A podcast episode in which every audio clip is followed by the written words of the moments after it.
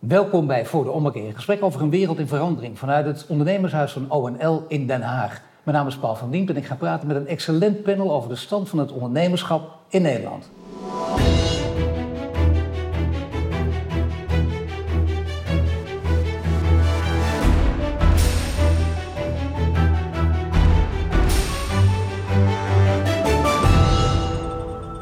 Een excellent panel aan tafel. Ruud Hendricks, hij is medeoprichter van Startup Bootcamp, de internationale groeiversneller van startups. Daar zit naast Erik Stam, hij is hoogleraar strategie, organisatie en ondernemerschap aan de Universiteit van Utrecht. Ad Verbrugge is filosoof van de VU en medeoprichter van de Filosofische School Nederland. En Hans Biesheuvel, oprichter ONL voor ondernemers. Heren, welkom. Nou, we gaan beginnen met de stand van het ondernemerschap. Nou, zeg het maar Hans, want uh, ja, het ondernemerschap, hoe staan we ervoor in Nederland? Ik zou zeggen, beter dan ooit. Ik bedoel, heel veel aandacht voor ondernemerschap toen ik ondernemer werd, toen dacht iedereen, dat was in de jaren tachtig, aan iemand in een verkeerde jas en met een verkeerde auto reed, zeg maar. Tweedehands autoverkopers. Ja, uh, Tetje van Es en Jacobs was ongeveer de stand van uh, het ondernemerschap toen. Ja, en nu kan ik het aantal spreekbeurten aan in Nederland om te praten over de uitdaging van het ondernemerschap. En het gaat ook, ook best goed. Er zijn heel veel start-ups, meer dan ooit. Er zijn heel weinig faillissementen.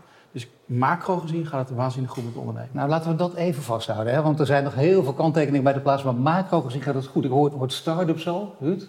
Ja, het gaat absoluut uh, heel erg goed. Het is nooit makkelijker geweest om een eigen bedrijf te beginnen dan vandaag de dag. Ik weet nog vroeger, dan moest je met 18.000 gulden uh, naar de KVK.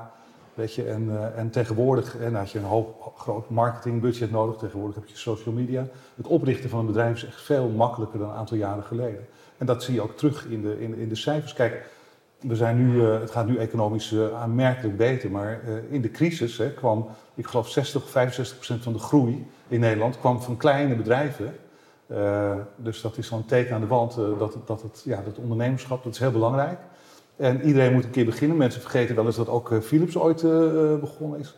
En start-ups hebben de toekomst. Maar start-ups hebben de toekomst, maar we weten ook dat start-ups heel vaak een loodje moeten leggen. De high-tech-industrie 9 op de 10. Ik weet niet precies wat allemaal waar is. Die cijfers zul je ongetwijfeld beter weten. Andere industrieën 7 op de 10. Maar dat, is, dat betekent dat je een hele grote kans van niet slagen hebt. Als je het verkeerd doet, uh, wel ja. Maar bij ons slaagt 7 op de 10. Dat wil zeggen, uh, 75% wordt ouder dan 4 jaar.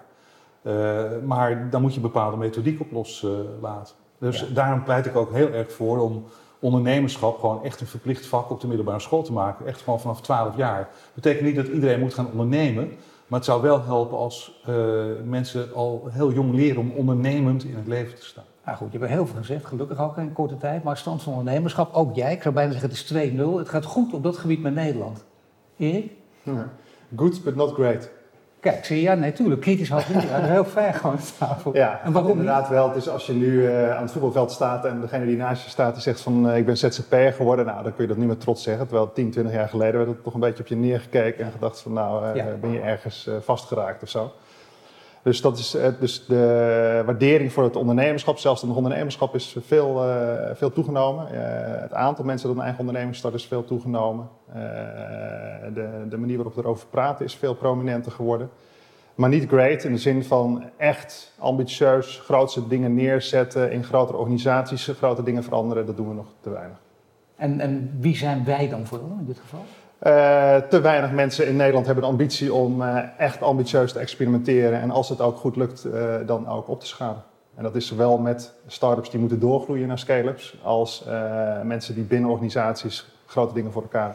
Dus het heeft te maken met doorzettingsvermogen, dat, dat moeten we even onthouden, daar gaat het om. Het heeft ook te maken met te weinig lef om risico te nemen. Ja, en, en ambitieus risico nemen, want risico's nemen kan iedereen. Je kunt hard de berg afgaan met je ogen dicht. Ja.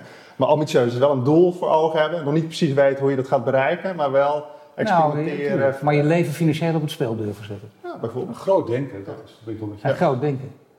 Oké, okay, Ad, wat denk jij? Stand van het ondernemerschap. Ja. Ik zou zeggen 2,5-0 is het nu. Ja, nou, ik, wat ik heel aardig vind is dat je merkt dat, en dat, dat slaat enigszins aan bij wat, wat Erik ook zegt, uh, dat de laatste jaren het, het ondernemerschap als zodanig bijna een soort uh, cultureel ideaal is geworden.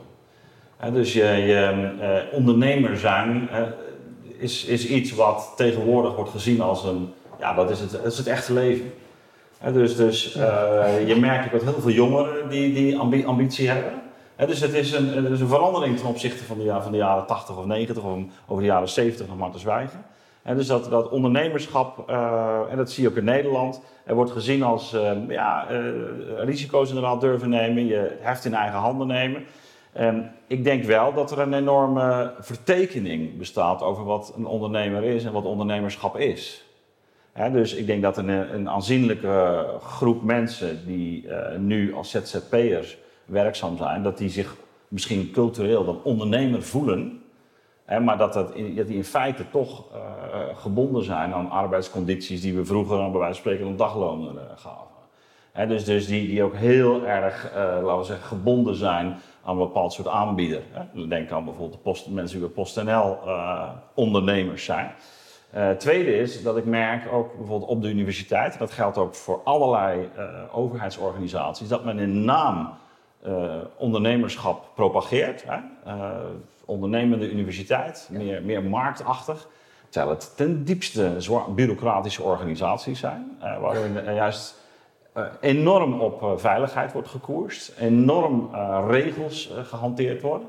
En dat men dan onder, ondertussen zegt, ja nee, maar wij zijn ondernemende instellingen. We doen een vestiging in Groningen of nou ja, China. China ja. ja, die bedoelde ik eigenlijk. Hè? De, Groningse Universiteit in China, leuke verspreking. Dat is boven Groningen. Maar, nee, maar dus, je, dus je ziet dat, dat, dat er onder de, het mom van ondernemerschap ook een heleboel dingen gebeuren die eigenlijk uh, ja, denk ik, uh, nou ja, uh, niet, niet altijd even. Het is een beetje een definitiekwestie. is ondernemerschap ja, ja, populair. Er willen heel veel mensen daarop meeliften. Zou die noemen zich ook ondernemer, maar zijn het eigenlijk niet. Of maken daar misbruik van, misschien wel van die term. Maar toch, ik zou bij jou zeggen, ook een halfje erbij, 3-0. Ja, ja nee, zeker. En ik, en ik vind het, ook, nogmaals, ik vind het ook wel een, een, een goede ontwikkeling. Ja, en er is dan een hele interessante ontwikkeling gaande ook hier in Den Haag. Het is niet voor niks dat wij nu 100 meter van de Binnenhof af zitten. Kijk, wat je nu ziet eigenlijk, en dat ik ben zeg maar hier in 2010 gestart hè, in Den Haag. Uh, toen waren echt nog de grote banken, de multinationals, hè, de, de, de, grote jongens waren echt aan, eh, aan, zaten aan de knoppen. Nu zie je dat de politiek eigenlijk zegt, ja, ondernemerschap is de sleutel eigenlijk naar bijna alle maatschappelijke uitdagingen. Hè. Dat is een heel groot verschil. Daardoor trekt het ook veel meer mensen aan. Door alle partijen heen moet dit ook alle partijen. Dat het gaat zie je van links naar rechts. Je ziet of het dan gaat over uh, hoe krijgen we meer mensen aan het werk die met een arbeidsbeperking zitten uh, kijk naar energietransitie. Iedereen zegt, we hebben de ondernemers nodig om het te realiseren. Dat vind ik echt een groot verschil met zeg maar een jaar of tien geleden. Ik keek men vooral naar de multinationals, naar de banken, naar de verzekeraars. Uh, en ik denk dat voor een deel tegenreactie is wat je ziet bij heel veel grote bedrijven. Die ja, zo in de structuur zijn gaan denken, hè, in, in, in, in rapporteren, hè, ja. in alles strak zetten, zeg maar, in, met ratio's. Hè. Ja, mensen willen dat niet meer. Die willen ook niet hun leven lang meer bij dat ene bedrijf zitten. Dus ik zie ook heel veel ZZP'ers die uit de structuur willen breken en toch weer die vrijheid opzoeken. Maar we moeten ook uitkijken dat we het ondernemerschap niet uh, idealiseren. Het is, ik, ik zeg altijd, uh, nou, we zitten ondernemers. Nee, ondernemers, alle stadia doormaken van diepe wanhoop tot totale euforie. Dat laatste stukje is heel erg verslavend. Dat eerste stukje is heel erg vervelend. En niet iedereen is daarvoor gebouwd. Nou, dat is wel goed, ja, die diepe wanhoop. Gelukkig wordt er steeds een boek over geschreven, ook over, tegenslagen. Wat je ja. over winnen en doorzettingsvermogen, wat uh, hier ter sprake kwam. Maar inderdaad ook, hè, die diepe wanhoop. Kun jij er iets over vertellen? Over die echte diepe wanhoop? Nou, ja, ik heb, eh, weet je, er zijn dingen heel goed gegaan, er zijn dingen ook misgegaan. Dat is, denk ik, bij de meeste ondernemers wel zo. Uh, maar ik heb wel eens meegemaakt, een, een ex-collega van mij, ik zat in de raad van bestuur van Endemol, een voormalige rechterhand, die uh, die, uh, die belde mij op en uh, die zei, ja, ik ben voor mezelf begonnen. Ik zei, dat is fantastisch. Hij zei, maar ik maak me ernstige zorgen. Ik zei, waarom? Hij zei, nou, dit was januari. Hij zei, ik heb maar tot september werk.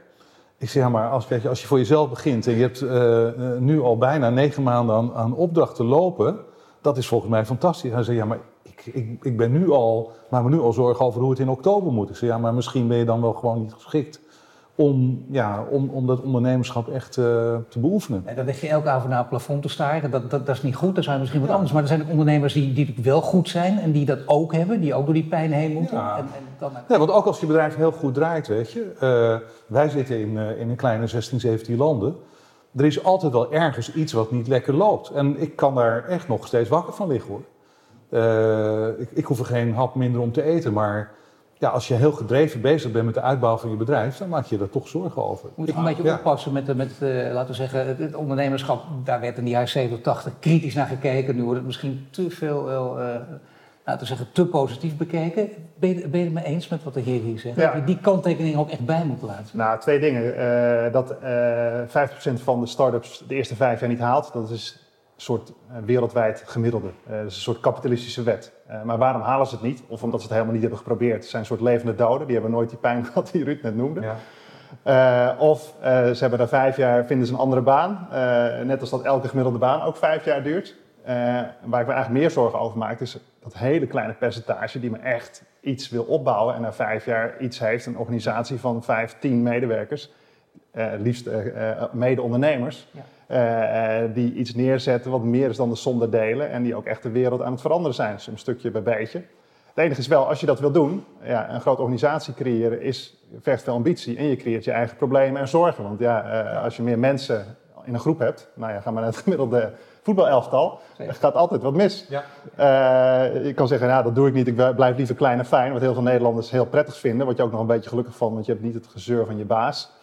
En maar ja, of je echt waarde gaat creëren op de lange termijn en of je op de lange termijn nog keuze hebt om echt waarde te creëren, dat is even de vraag. Uh, je kunt vijf jaar misschien hetzelfde blijven doen, maar als je niet in jezelf investeert, niet in je netwerk, wat ik toch wel zie dat heel veel ZZP'ers doen, ja, is de vraag of ze uh, gelukkig die 75 halen als je straks uh, zo lang leven hebt. Zeker, maar als je een kleine ondernemer blijft en ook klein wil blijven, dat, dat kan natuurlijk. Je zegt, ik heb een bedrijf van 30 en ik wil er nog eentje van 30, maar dat kun je ook gaan doen. Je kan er ook 10 van 30 neerzetten. Nee, maar voor de samenleving als geheel heb je toch een groep mensen nodig die uh, zich specialiseren en met elkaar samenwerken en, en gezamenlijk iets groters neerzetten. En dat kun je niet als je je hele leven klein wil blijven en eigenlijk vooral alles dichtbij wil houden. Uiteindelijk is groot denken, dus dat je uiteindelijk ook, hoe, hoe, hoe leuk je ook bezig bent, hoe interessant je het ook vindt, dat je een corporate wordt. Nou, niet per se een corporate, maar wel een bepaalde kritische massa waarop je verschil kan gaan maken. En of dat nou 10 is of 100. Uh, eh, met 10 kun je ook een kleine wereldspeler zijn, met 100 kun je uh, een hele grote lokale speler zijn. Nederland toespitsen, daar gewoon toch wel een pijnpunt zit. Ja. Je denkt, wacht even, daar moeten we in Nederland beter aan op letten zelfs. Ja, we hebben nu uh, ondernemers oké, zoals jij zegt. Uh, je, je, kunt dat doen. Je bent zelfs bijna een held als je voor jezelf gaat beginnen. Uh, maar ja, liever dan eigenlijk niemand aannemen. Dat is ook, we hebben ook wel een beetje een systeem gecreëerd die dat onaantrekkelijk maakt om mensen aan te nemen. Dus dat is ook een hele hobbel eigenlijk institutioneel gecreëerd. Tegelijkertijd groots denken en met je kop boven het maaiveld. Ik dacht altijd dat het wereldwijd was, maar in Nederland is daar toch wel extremer in dan andere landen.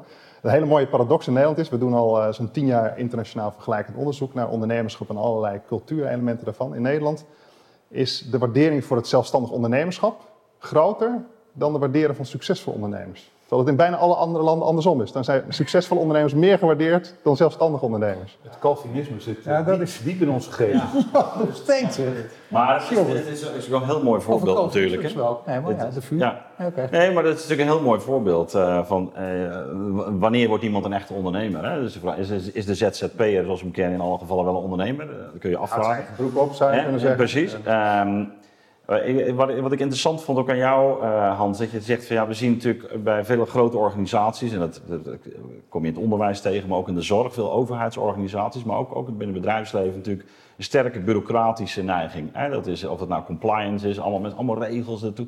En ik, ik zie het ook om me heen, dat geldt tot op zekere hoogte voor mijzelf ook, dat, dat uh, de, de mate waarin je daar nog, dan binnen nog echt kunt floreren, nou ja, toch, toch, toch wel, uh, je zou kunnen zeggen, omgekeerd evenredig is met het aantal regels en verantwoordingen dat je moet afleggen. Dus de, de behoefte van sommige mensen, gewoon bepaalde naturen, om daar uit te stappen, uh, die is denk ik wel. Ja, gewoon de frustratie. De frustratie die, dat je gewoon niet dat kwijt kunt. wat je, dus het, het is ook, je kan, zou kunnen zeggen, een deel van de enorme explosie van, van ZZP'ers heeft aan de andere kant te maken met een overgereguleerde, gestructureerde, bureaucratische omgeving. Eh, die, die is ontstaan. En ik denk dat ja, ondernemerschap toch in de kern altijd ook te maken heeft met uh, zowel het verlangen naar autonomie, hè, het Nederlandse uh, toch wel diep gewortelde neiging. Hè. We hadden ook, bij ons waren er, hè, als er twee mensen vanuit één kerk bij elkaar kwamen, dan, dan ontstond er een scheuring. Hè. Dat is, Maar goed, dus, dus die neiging tot, tot autonomie, hè, we, zijn natuurlijk ook toch wel ook jagers-verzamelaars, heel lang geleden, zit hier nogal sterk in, ook de vissers. Dus die behoefte aan gewoon je eigen, je, je, eigen broek ophouden, inderdaad. Maar de tweede is inderdaad, uh, nou ja, dat, dat, dat, dat je het avontuur moet, uh, moet aandurven. en ja, dan daar hoort dit natuurlijk wel bij dat je ja, bereid bent om ten onder te gaan ook. Ja. Dus ja, dat, dat, is, dat is het risico wat je... Wat, je, nou, wat ik altijd heel bijzonder vind, dat, weet je, ik zeg altijd, als Uber in Nederland was ontstaan, dan was het nog een heel klein bedrijfje geweest. Hè? Want Nederlandse investeerders die denken dat des te minder ze investeren, des te minder risico's ze lopen. Terwijl voor sommige bedrijven moet je juist meer investeren om je risico te beperken. Omdat sommige bedrijven met een, zonder een forse investering gewoon zeker niet levensvatbaar worden. En, en, in Nederland is het echt moeilijk om, uh, om, om, substantiële bedragen te krijgen. Een bedrijf als Picnic, hè, dat is echt de uitzondering die de regel uh, van Michiel Muller. Hoe kan dat? Hoe verklaar je dat? Uh, nou, ik denk, ik denk dat dat voor een deel terug te voeren is. Ook op dat, doe maar gewoon, dan doe je al gek genoeg. Weet je? In Silicon Valley wordt echt groot gedacht. Mag ik een kleine anekdote vertellen? Ik, ik was in de Valley en daar waar, ontmoette ik een Nederlands ondernemer. Met drie Amerikanen had hij een bedrijf opgezet. Hij is naar Mark Andreessen gestapt van Andreessen Horowitz. En zei van, Mark luister, ga een nieuw bedrijf beginnen. Jij mag 25% van de aandelen kopen en die kosten je 25 miljoen. En toen zei Mark Andreessen, en wat gaan we doen? En toen zei, zei dat groepje ondernemers van doet het ertoe. Jij zegt altijd, het draait niet om het idee, het draait om de executie. We hebben al vaker bewezen, wij kunnen een bedrijf bouwen. Dus of je doet mee of je doet niet mee, 25%, 25 miljoen. En Mark Andreessen zei van, oké, ik doe mee. Waarmee dat, dat bedrijfje meteen gewaardeerd was op 100 miljoen dollar. Um, wat het makkelijker maakte om weer andere investeerders aan boord uh, te halen. En toen ik daar twee maanden later was, het bedrijf heet Honor, H-O-N-O-R. Uh, dat is een, een bedrijf dat uh, ambitie heeft om de zorg eh, een soort Uber voor de zorg, eh, om de zorg te disrupten.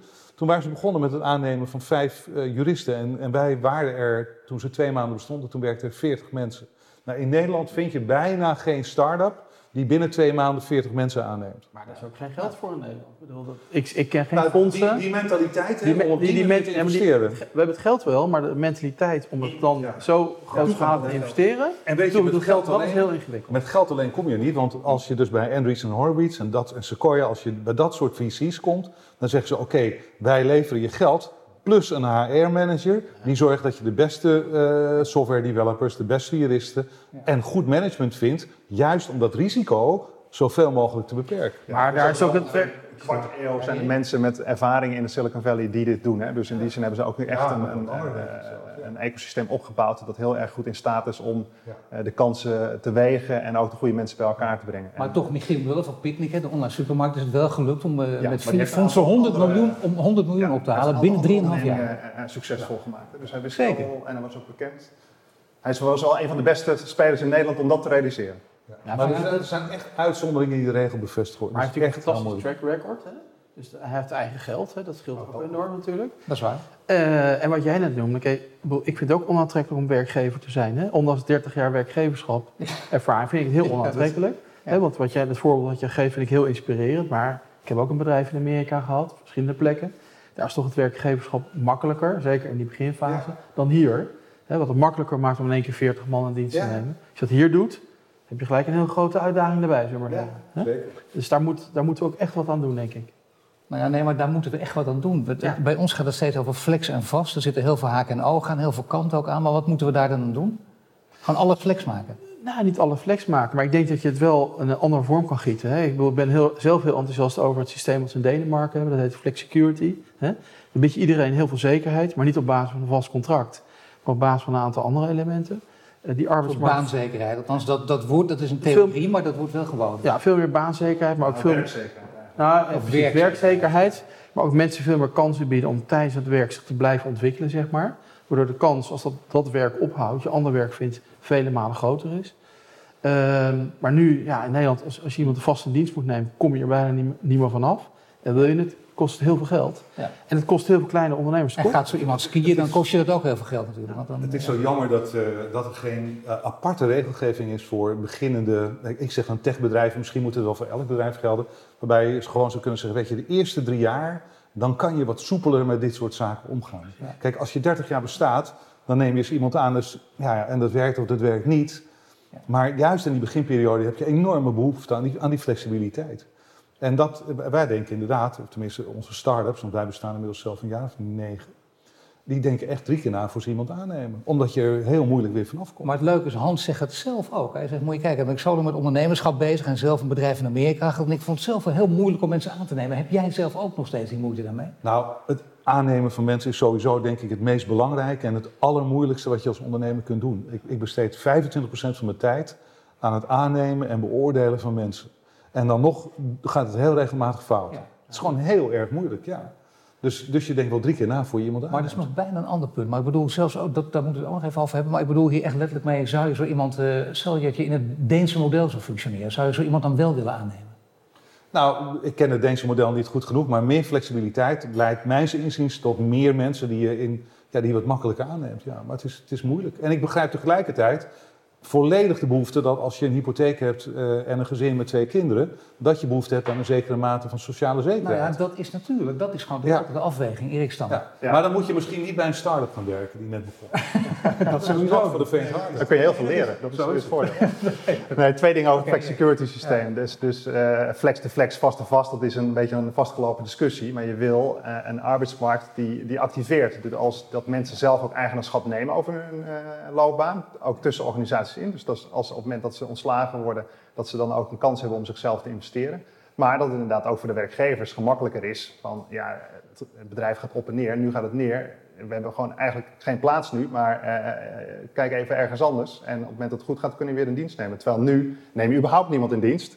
Dus als het goed gaat, ja, dan probeer je dat uit te besteden, misschien via ZZP's. En dat is eigenlijk een soort natuurlijke rem op het bepalen van schaalverdelen die je nodig hebt om echt een belangrijke speler te worden. Dus een activerend arbeidsmarktbeleid die vooral zorgt dat mensen in zichzelf blijven investeren en tegelijkertijd ook goed werkgeverschap uh, stimuleert. Dat is best een lastige combinatie. Uh, mooi aan het voorbeeld van, van Ruud vond ik net, uh, dat het niet zozeer ging, althans zoals, zoals je het voorbeeld begon, over het aannemen van de mensen en welke bezwaren er allemaal aan kleven, maar ook over de, de investeerder zelf. Ja.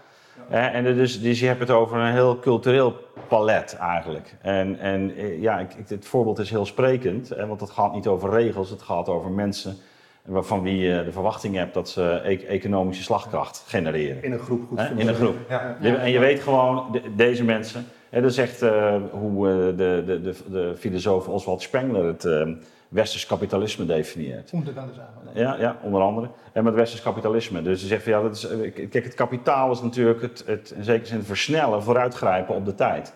En dus doordat je geld beschikbaar stelt, kan een bepaald idee gewoon versneld worden gerealiseerd. Uh, tegelijkertijd betekent dat dat je dus vertrouwen moet hebben in degene die dat doen. En, een bepaalde lange termijn oriëntatie, want je ja, ja, niet, dus je, komt er niet gelijk uit. Precies, dus je moet dat vertrouwen hebben dat... dat uh, dus ook daar geldt het lef van de investeerder, hè, de bepaalde mentaliteit en een soort relaties waarin je zegt van oké, okay, maar ik weet dat ik dat aan deze personen doe, ik heb dat gezien, dan, dan gaat dat gewoon wat genereren. En dan kan het nog altijd misgaan natuurlijk. Ja.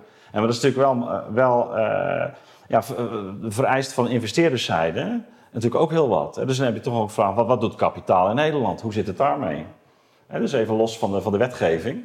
Maar hoe zit het met pensioenfondsen? Of hoe zit het met nou ja, de banken? En, en het, het op, op safe spelen van die partijen. Nou ja, laten we die partijen er maar eens even bij halen. De pensioenfondsen, de banken, andere fondsen, investeringsfondsen. Waar moet het geld vandaan komen voor de meeste ondernemers? Nou, ik begrijp wel dat een, dat een bank en een pensioenfonds heel erg uh, conservatief uh, belegt. Ja. Die, die, hebben letterlijk geld dat is hun toevertrouwd en dat kunnen ze niet zomaar extreem risicodragend inzetten. Maar je, zou, maar je zou kunnen zeggen van weet je, een heel klein percentage van de, van, van, van de beleggingen van het ANP, die stoppen we in echte start-ups. Dus niet scale-ups waar 100 man werken, nee, echte start-ups. Heel klein percentage.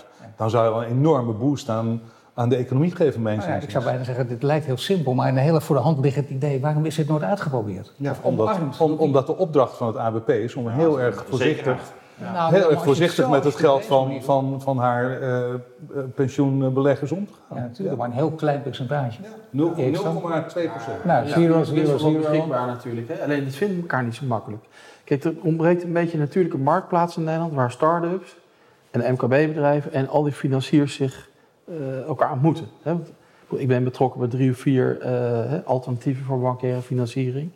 Nou, jij bent dat ook. Uh, afgelopen vrijdag is hier in Den Haag al een heel nieuw fonds gelanceerd om te investeren in bedrijven in de cyberhoek. Hè? Den Haag de Cyber City van de wereld worden. Samen met H Security Delta. Dus het is er wel. Alleen het, waar het elkaar vindt, snelle en makkelijke, dat ontbreekt een beetje. Die natuurlijke marktplaats is er niet. Dus daar, moeten we denken, daar kunnen we denk ik met elkaar wat aan doen.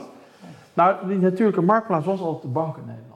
Kijk, de bank, daar, ik ging naar, naar de bank toe, naar de, de lokale kennis. Die Ja, had, die had lokale kennis. En joh, ik haal die erbij. Ik heb nog een leuke informal voor jou. En we hebben toevallig ook nog een leuke leasemaatschappij in in de portefeuille. Wij regelen dat voor jou. En de bank was die natuurlijke marktplaats. Maar dat was ook je klankbord en je adviseur. Nou, die klankbord en adviseur, die zijn een beetje weg. En die natuurlijke marktplaats is er niet meer. Want de bank doet één stukje nog. Maar wacht even, Alt, is er Dit geen ruimte voor zo'n bank? Want banken die onderscheiden zich nauwelijks van elkaar. En denk je, nou, hier kun je als bank Ik- morgen onderscheiden. Precies, nee, maar dat is denk ik precies waar ik naartoe wil. Ik denk dat als er een bank in Nederland komt die dat weer gaat doen. en Je zou in voetbaltermen kunnen zeggen met de punt naar voren gaat voetballen. Zeg, nou, we gaan gewoon die ondernemers opzoeken. Waar heb je behoefte aan? Wij gaan je helpen die behoefte in te vullen. Dan denk ik eerlijk gezegd dat, dat de Nederlandse MKB, maar ook heel veel startups enorm geholpen worden. Nou, Ik heb het gevoel dat weet je, al die banken zeggen dat ze met ondernemers meedenken. Maar je moet bij bijna elke bank ook maar net de juiste persoon binnen de bank treffen. Het kan gebeuren dat je een accountmanager hebt in Appelscha die zegt: Ja, ik vind dit een goed plan. Terwijl zijn collega in Groningen zegt: Nou, ik vind helemaal niks. Dus je moet maar net geluk hebben. En dat, is, dat is wel jammer. Nee, daarom, eh Ad, eh, dan zou je dus denken, nou, wat, wat, wat Hans zegt, eh, dat zou een nieuw soort bank kunnen zijn. Je kunt één bank oprichten, heel anders buiten dit verhaal, maar gewoon voor, voor spaarders die zekerheid over hun spaargeld willen. Dat is een aparte categorie. Zo'n bank is er ook niet. En je zou kunnen, die, die heb je ook, er zijn er heel veel van, maar je hebt ook deze bank. Die zou je dus ook. Nou, ik heb me dit nooit opdagen. gerealiseerd. Dus ik vind het wel. Ik vind het- dus eigenlijk zou je kunnen zeggen dat met die heel die efficiency-slag en die automatiseringsgolf die we vanaf pa- pakken beet eind jaren 90 in het bankwezen hebben gezien. Hè, waarin, waarin het natuurlijk dat hele bankwezen fundamenteel is, is veranderd. Ja, het is geconcentreerd. Ja, geconcentreerd. Ja. Maar ik heb me nooit gerealiseerd dat dat dus eigenlijk, dus ook die hele kapitaalsbemiddeling, eh, enorm heeft verstoord. Dus dat was eigenlijk in Nederland een natuurlijke plek. Waar, waar Ja, dat, de eh, de Rabobank, die gewoon... ja, maar, de, maar de Rabobank heeft natuurlijk nog wel zeker een lokaal eh, Nou, karakter. Of is dat ook? minder. Ja, ja. En het jammer is, kijk, ik stapte eh, hier 100 meter verderop bij de Nederlandse middenstand, ja. middenstandsbank binnen. Ja. Nou, in 1986 geloof ik. En Die wisten wie er binnenkwam. Hè? Zonder dat ze mij persoonlijk kenden. Die wisten, daar komt een, hè? Ja. de zoon van een eh, middenstander binnen. Ze konden ongeveer al invullen hè? Wat, waar, voor welke vraag ik binnenkwam. Dus je voelde er welkom. Hè? Ja. Nou, dat is al lastig, want je wordt nergens meer welkom geheten bij banken. Eh, eh, ja. En ik denk als je nu een offerte opvraagt bij die drie banken, dat je moet zoeken naar de verschillen. Misschien dat het, eh, Nee, logo nog anders is. Ja, ja, maar Ze onderscheiden zich op geen enkel vlak meer van elkaar. Terwijl natuurlijk het ondernemersveld, Ja. die, dat weet jij ook, Ja. divers is dan nooit. Hè? Dus er is eigenlijk meer behoefte aan maatwerk en aandacht. En die banken zijn eigenlijk helemaal gestandaardiseerd en gecentraliseerd. ja, want dat, Daar, is, daarom zit er zo'n discrepantie. Want dat is eigenlijk wat, wat Ruud zo even zei over die Amerikaanse eh, staat dat in- initiatief. Dat gebeurde bij ons zeg maar, op lokale schaal dan via die banken. Van, oh ja, ik ken hem. Hè? Ja. Daar, komt, daar komt Hans binnen. En eh, oh, Hans eh, die, die wil een, een, een investering. Oh, die, dat, Ja. dus, Dan had je ook nog de Rabobank waar ook ondernemers in zaten. Als, eh, ja, ja, nee, maar dus, ik- dus ik- goed ik- om ons dat te realiseren. Ik heb Andere manieren om met data om te gaan. Ja, dus die relatie eigenlijk veel belangrijker. vroeger in Ja. Soest had de Rabobank een marktaandeel van 90%. Dus de lokale directeur daar, die wist alles van iedereen. En die 10% waar je niks van wist, nou, dat kon hij wel uit die andere 90 afleiden. Een soort eh, Facebook avant la lettre was het. Ja, die tijden zijn En is dat ook door de kredietcrisis eigenlijk verder verslechterd? Die, die... Nou, voor een deel. Kijk, er zijn natuurlijk heel veel banken verdwenen. Hè. We hebben er nog maar drie, als je het even ziet, in eh, hè, financierders voor, het- voor het bedrijfsleven. Zie ik niet veel, drie. En er zijn er heel veel verdwenen, eh, die veel meer op niches zeg maar, eh, waren afgestemd. Eh, en er is eigenlijk niets van de plaats gekomen. Ik heb in 2013 mocht ik in de commissie Wijfels zitten. Dat was een, eh, commissie die mocht toen nog in de nadagen van Jan Kees de Jager adviseren over de toekomstige structuur van de Nederlandse banken. Ik geloof dat er 40 buitenlandse banken hebben geïnterviewd. Niet eentje was geïnteresseerd om naar Nederland eh, te komen, zelfs maar naar Nederland te kijken. Dit wat lichtpuntjes hè, met crowdfunding en handelsbanken die dan eh, wel in Nederland komt, maar het is in de marge nog. Ja, het is wel, Kredietverlening is het heel, Ja. maar ik denk als je even een helikopter erboven kijkt, moet je toch eerst ambitieniveau hoog zien te krijgen, de arbeidsmarkt beter zien aan te passen en dan komt die financieringsvraag pas weer aan de orde. En dan pas denken over een bank als marktplaats. Ja, want als je niet mensen hebt met een visie die andere mensen kunnen overtuigen, meenemen en ook letterlijk eh, als, als werknemer eh, bij ze kunnen. Maar wie zijn die eh, mensen met die visie dan? Waar komen die vandaan? Ik, ik zou Dat zijn zeggen- mensen die, die in het onderwijssysteem tot het uiterste zijn uitgedaagd. Eh, mensen die. eh, Dus we beginnen met land onderwijssysteem. moet dat uiterst worden uitgedaagd. Ja, Kijk, da- nee, maar dat is het interessante. Daar begint het dus. Dat, ik, dat is de fundamentele verandering. Maar ja, dat is een lange termijn investering. Dus als je nu dat onderwijssysteem gaat veranderen, uh, basisschool, ja, dan zie je pas over 15 jaar resultaten van. En toch zijn er nog steeds heel veel ondernemers die juist vol trots verkondigen: ik heb het allemaal voor elkaar gekregen zonder onderwijs. Ja, dan kun je, gemiddeld genomen zijn succesvolle ondernemers ook het hoogst opgeleid. Dus er zijn uitzonderingen. Ja, die roepen dit vooral. Ja, maar dat is, dat is de situatie. Degene die de vraag is ook, wat is onderwijs? Ik denk dat een hele goede ondernemer bijna per definitie nieuwsgierig is. Ja. En die kan door alleen nog gewoon de juiste boeken te lezen, die ontwikkelt zichzelf. Dus hoef je niet per se... Je moet ook van, van levenslang leren af, maar levenslang doorontwikkelen. Ja. Mag ik even toch uh, dit gebruiken door iets over onderwijs door te gaan bedenken? Dus wat jij zei net in het begin van dit gesprek op, die Ruud, uh, een apart vak ondernemerschap. Maar dan is dit niet nodig als ik het zo Het gaat om dat de nieuwsgierigheid opgewekt wordt door nee, de klassieke vakken te Maar ik heb daarnet ook al gezegd, joh, niet iedereen hoeft ondernemer te worden. Maar het is wel goed als je de basisbeginselen van het ondernemen... want heb je ook als werknemer gewoon mee te maken... als je die al vrij vroeg uh, worden bijge, bijgebracht. En weet je... Uh, naar school gaan is sowieso heel verstandig. Je kunt zelf Engels leren, maar het is toch wel makkelijk als je de basis of de middelbare school meekrijgt. Ja, maar misschien op de lagere school. Ja. Dit is toch wel aardig. Ik, ik, ik denk dat je op papier, eh, vroeger kreeg je het een en ander bij economie 2, hè, om maar een voorbeeld te geven. Eh, dus ik, ik ben op zichzelf helemaal niet tegen om het ondernemerschap te integreren in een vak als economie of wat dan ook. Volgens mij de kern van het verhaal uh, is, is uh, dat je mensen dus een, met een bepaalde zowel geestelijke, maar ook, ook ik zou zeggen bijna ook... ook uh, ja, karakterologische bagage gewoon in, uh, in de wereld inzet. En wanneer je het hebt over ondernemerschap, dan is het juist ook het vermogen om om te gaan met onzekerheid, bijvoorbeeld. En wat ik, wat ik, wat ik nu veel bij studenten zie, dus ik, is heel interessant, dat ze eigenlijk heel erg willen weten bij een college, van hoe gaat met het? heel veel zekerheid. Heel, heel veel zekerheid. En dat is interessant, dat is echt een verandering. En uh, dus gewoon, hoe leid je kinderen op die robuust zijn, een beetje lef hebben, die uh, door zwaar, door, met tegenwind leren fietsen, om het zo maar te noemen. Ja, maar hebben jullie allebei die ervaring? Nee, maar jij ook best studenten, ja. dat ze ja. dit... Dat is echt veranderd. Ja, dus, dus van tevoren vragen, wat moet ik doen om een uh, voldoende taal is wel... Uh, dat is geen ondernemingsmentaliteit. Dus eigenlijk zou je een beetje terug naar de toekomst. Je zou willen dat het onderwijs opleidt tot creatieve leerlingen die eh, weten wat je kunt combineren, hoe je kunt samenwerken, hoe je gezamenlijk nieuwe dingen kunt doen, nieuwe oplossingen kan bedenken. En dat is eigenlijk, klinkt een beetje eh, zweverig, maar ja, als je in een kennissamenleving leeft waar steeds meer routinetaken door robots worden overgenomen of door lage lonenlanden, het enige wat overblijft zijn dingen die complex zijn en die creativiteit vereisen, waarvan we soms zelfs niet eens het probleem al helemaal helder hebben. En wat je dus ook met creatieve taken moet oplossen. En dat lijkt heel erg veel op ondernemers. Ja, maar vooral niet te snel uh, gewoon de basisvaardigheden gewoon, uh, nee, uh, onderhouden. Ja. Nee, want, maar, het is, maar je, kunt, je kunt niks combineren als je geen... Hij ja, van het beste onderwijs Nederland. Ja. Dat is, ja, ja, maar goed, laten we nee, geen onderwijsdiscussie van maken. Maar, en, en, dus je moet zowel expertise hebben op terreinen om iets te kunnen combineren, maar je moet ook kunnen combineren. Je moet ook met anderen kunnen samenwerken. Je moet het gebouw uit, de school uit, uh, kijken van hey, hoe, wat doe ik nou met die kennis. Maar laten we inderdaad hier het onderwijs even rusten. Er is nog een punt, ook door Ruud aangesneden. Dat is een belangrijk, dat vinden jullie denk ik allemaal. Als, je gaat, als het gaat over hoe kies je de beste mensen. Zal ik één voorbeeldje geven? Ik, echt waar, ik ben ooit de hoofdredacteur van een blad geweest. Toen zeiden ze, nou, jij kan wel aardig interviewen, dus jij moet gewoon die mensen gaan aannemen. Dat blijkt iets een totaal ander vak. Ja. Ik nam echt de slechtste mensen aan. Maar dat was, slimme was, geen, was geen goede trainer. Nee, bijvoorbeeld. Vind, vind ik een hele gekke vergelijking. Maar, nee, maar ik snap niet van. Nee, ja. nee, maar dat is dus toch. Je, je, moet iets heel, je moet op een andere manier doen. En dan laat ik me dat vertellen door mensen die, uh, die, die daar bureaus af runnen. Die doen het allemaal op een andere manier. En allemaal zeggen dat zij het het beste doen. Maar wat is de beste manier om iemand te screenen? Dat je zeker weet dat je goede. Iemand schijnt namelijk een half jaar te kunnen, kunnen acteren. Het is, heel moeilijk om daar, het is heel moeilijk om daar een eensduidend antwoord op te geven. Want dat hangt heel erg van het beroep af.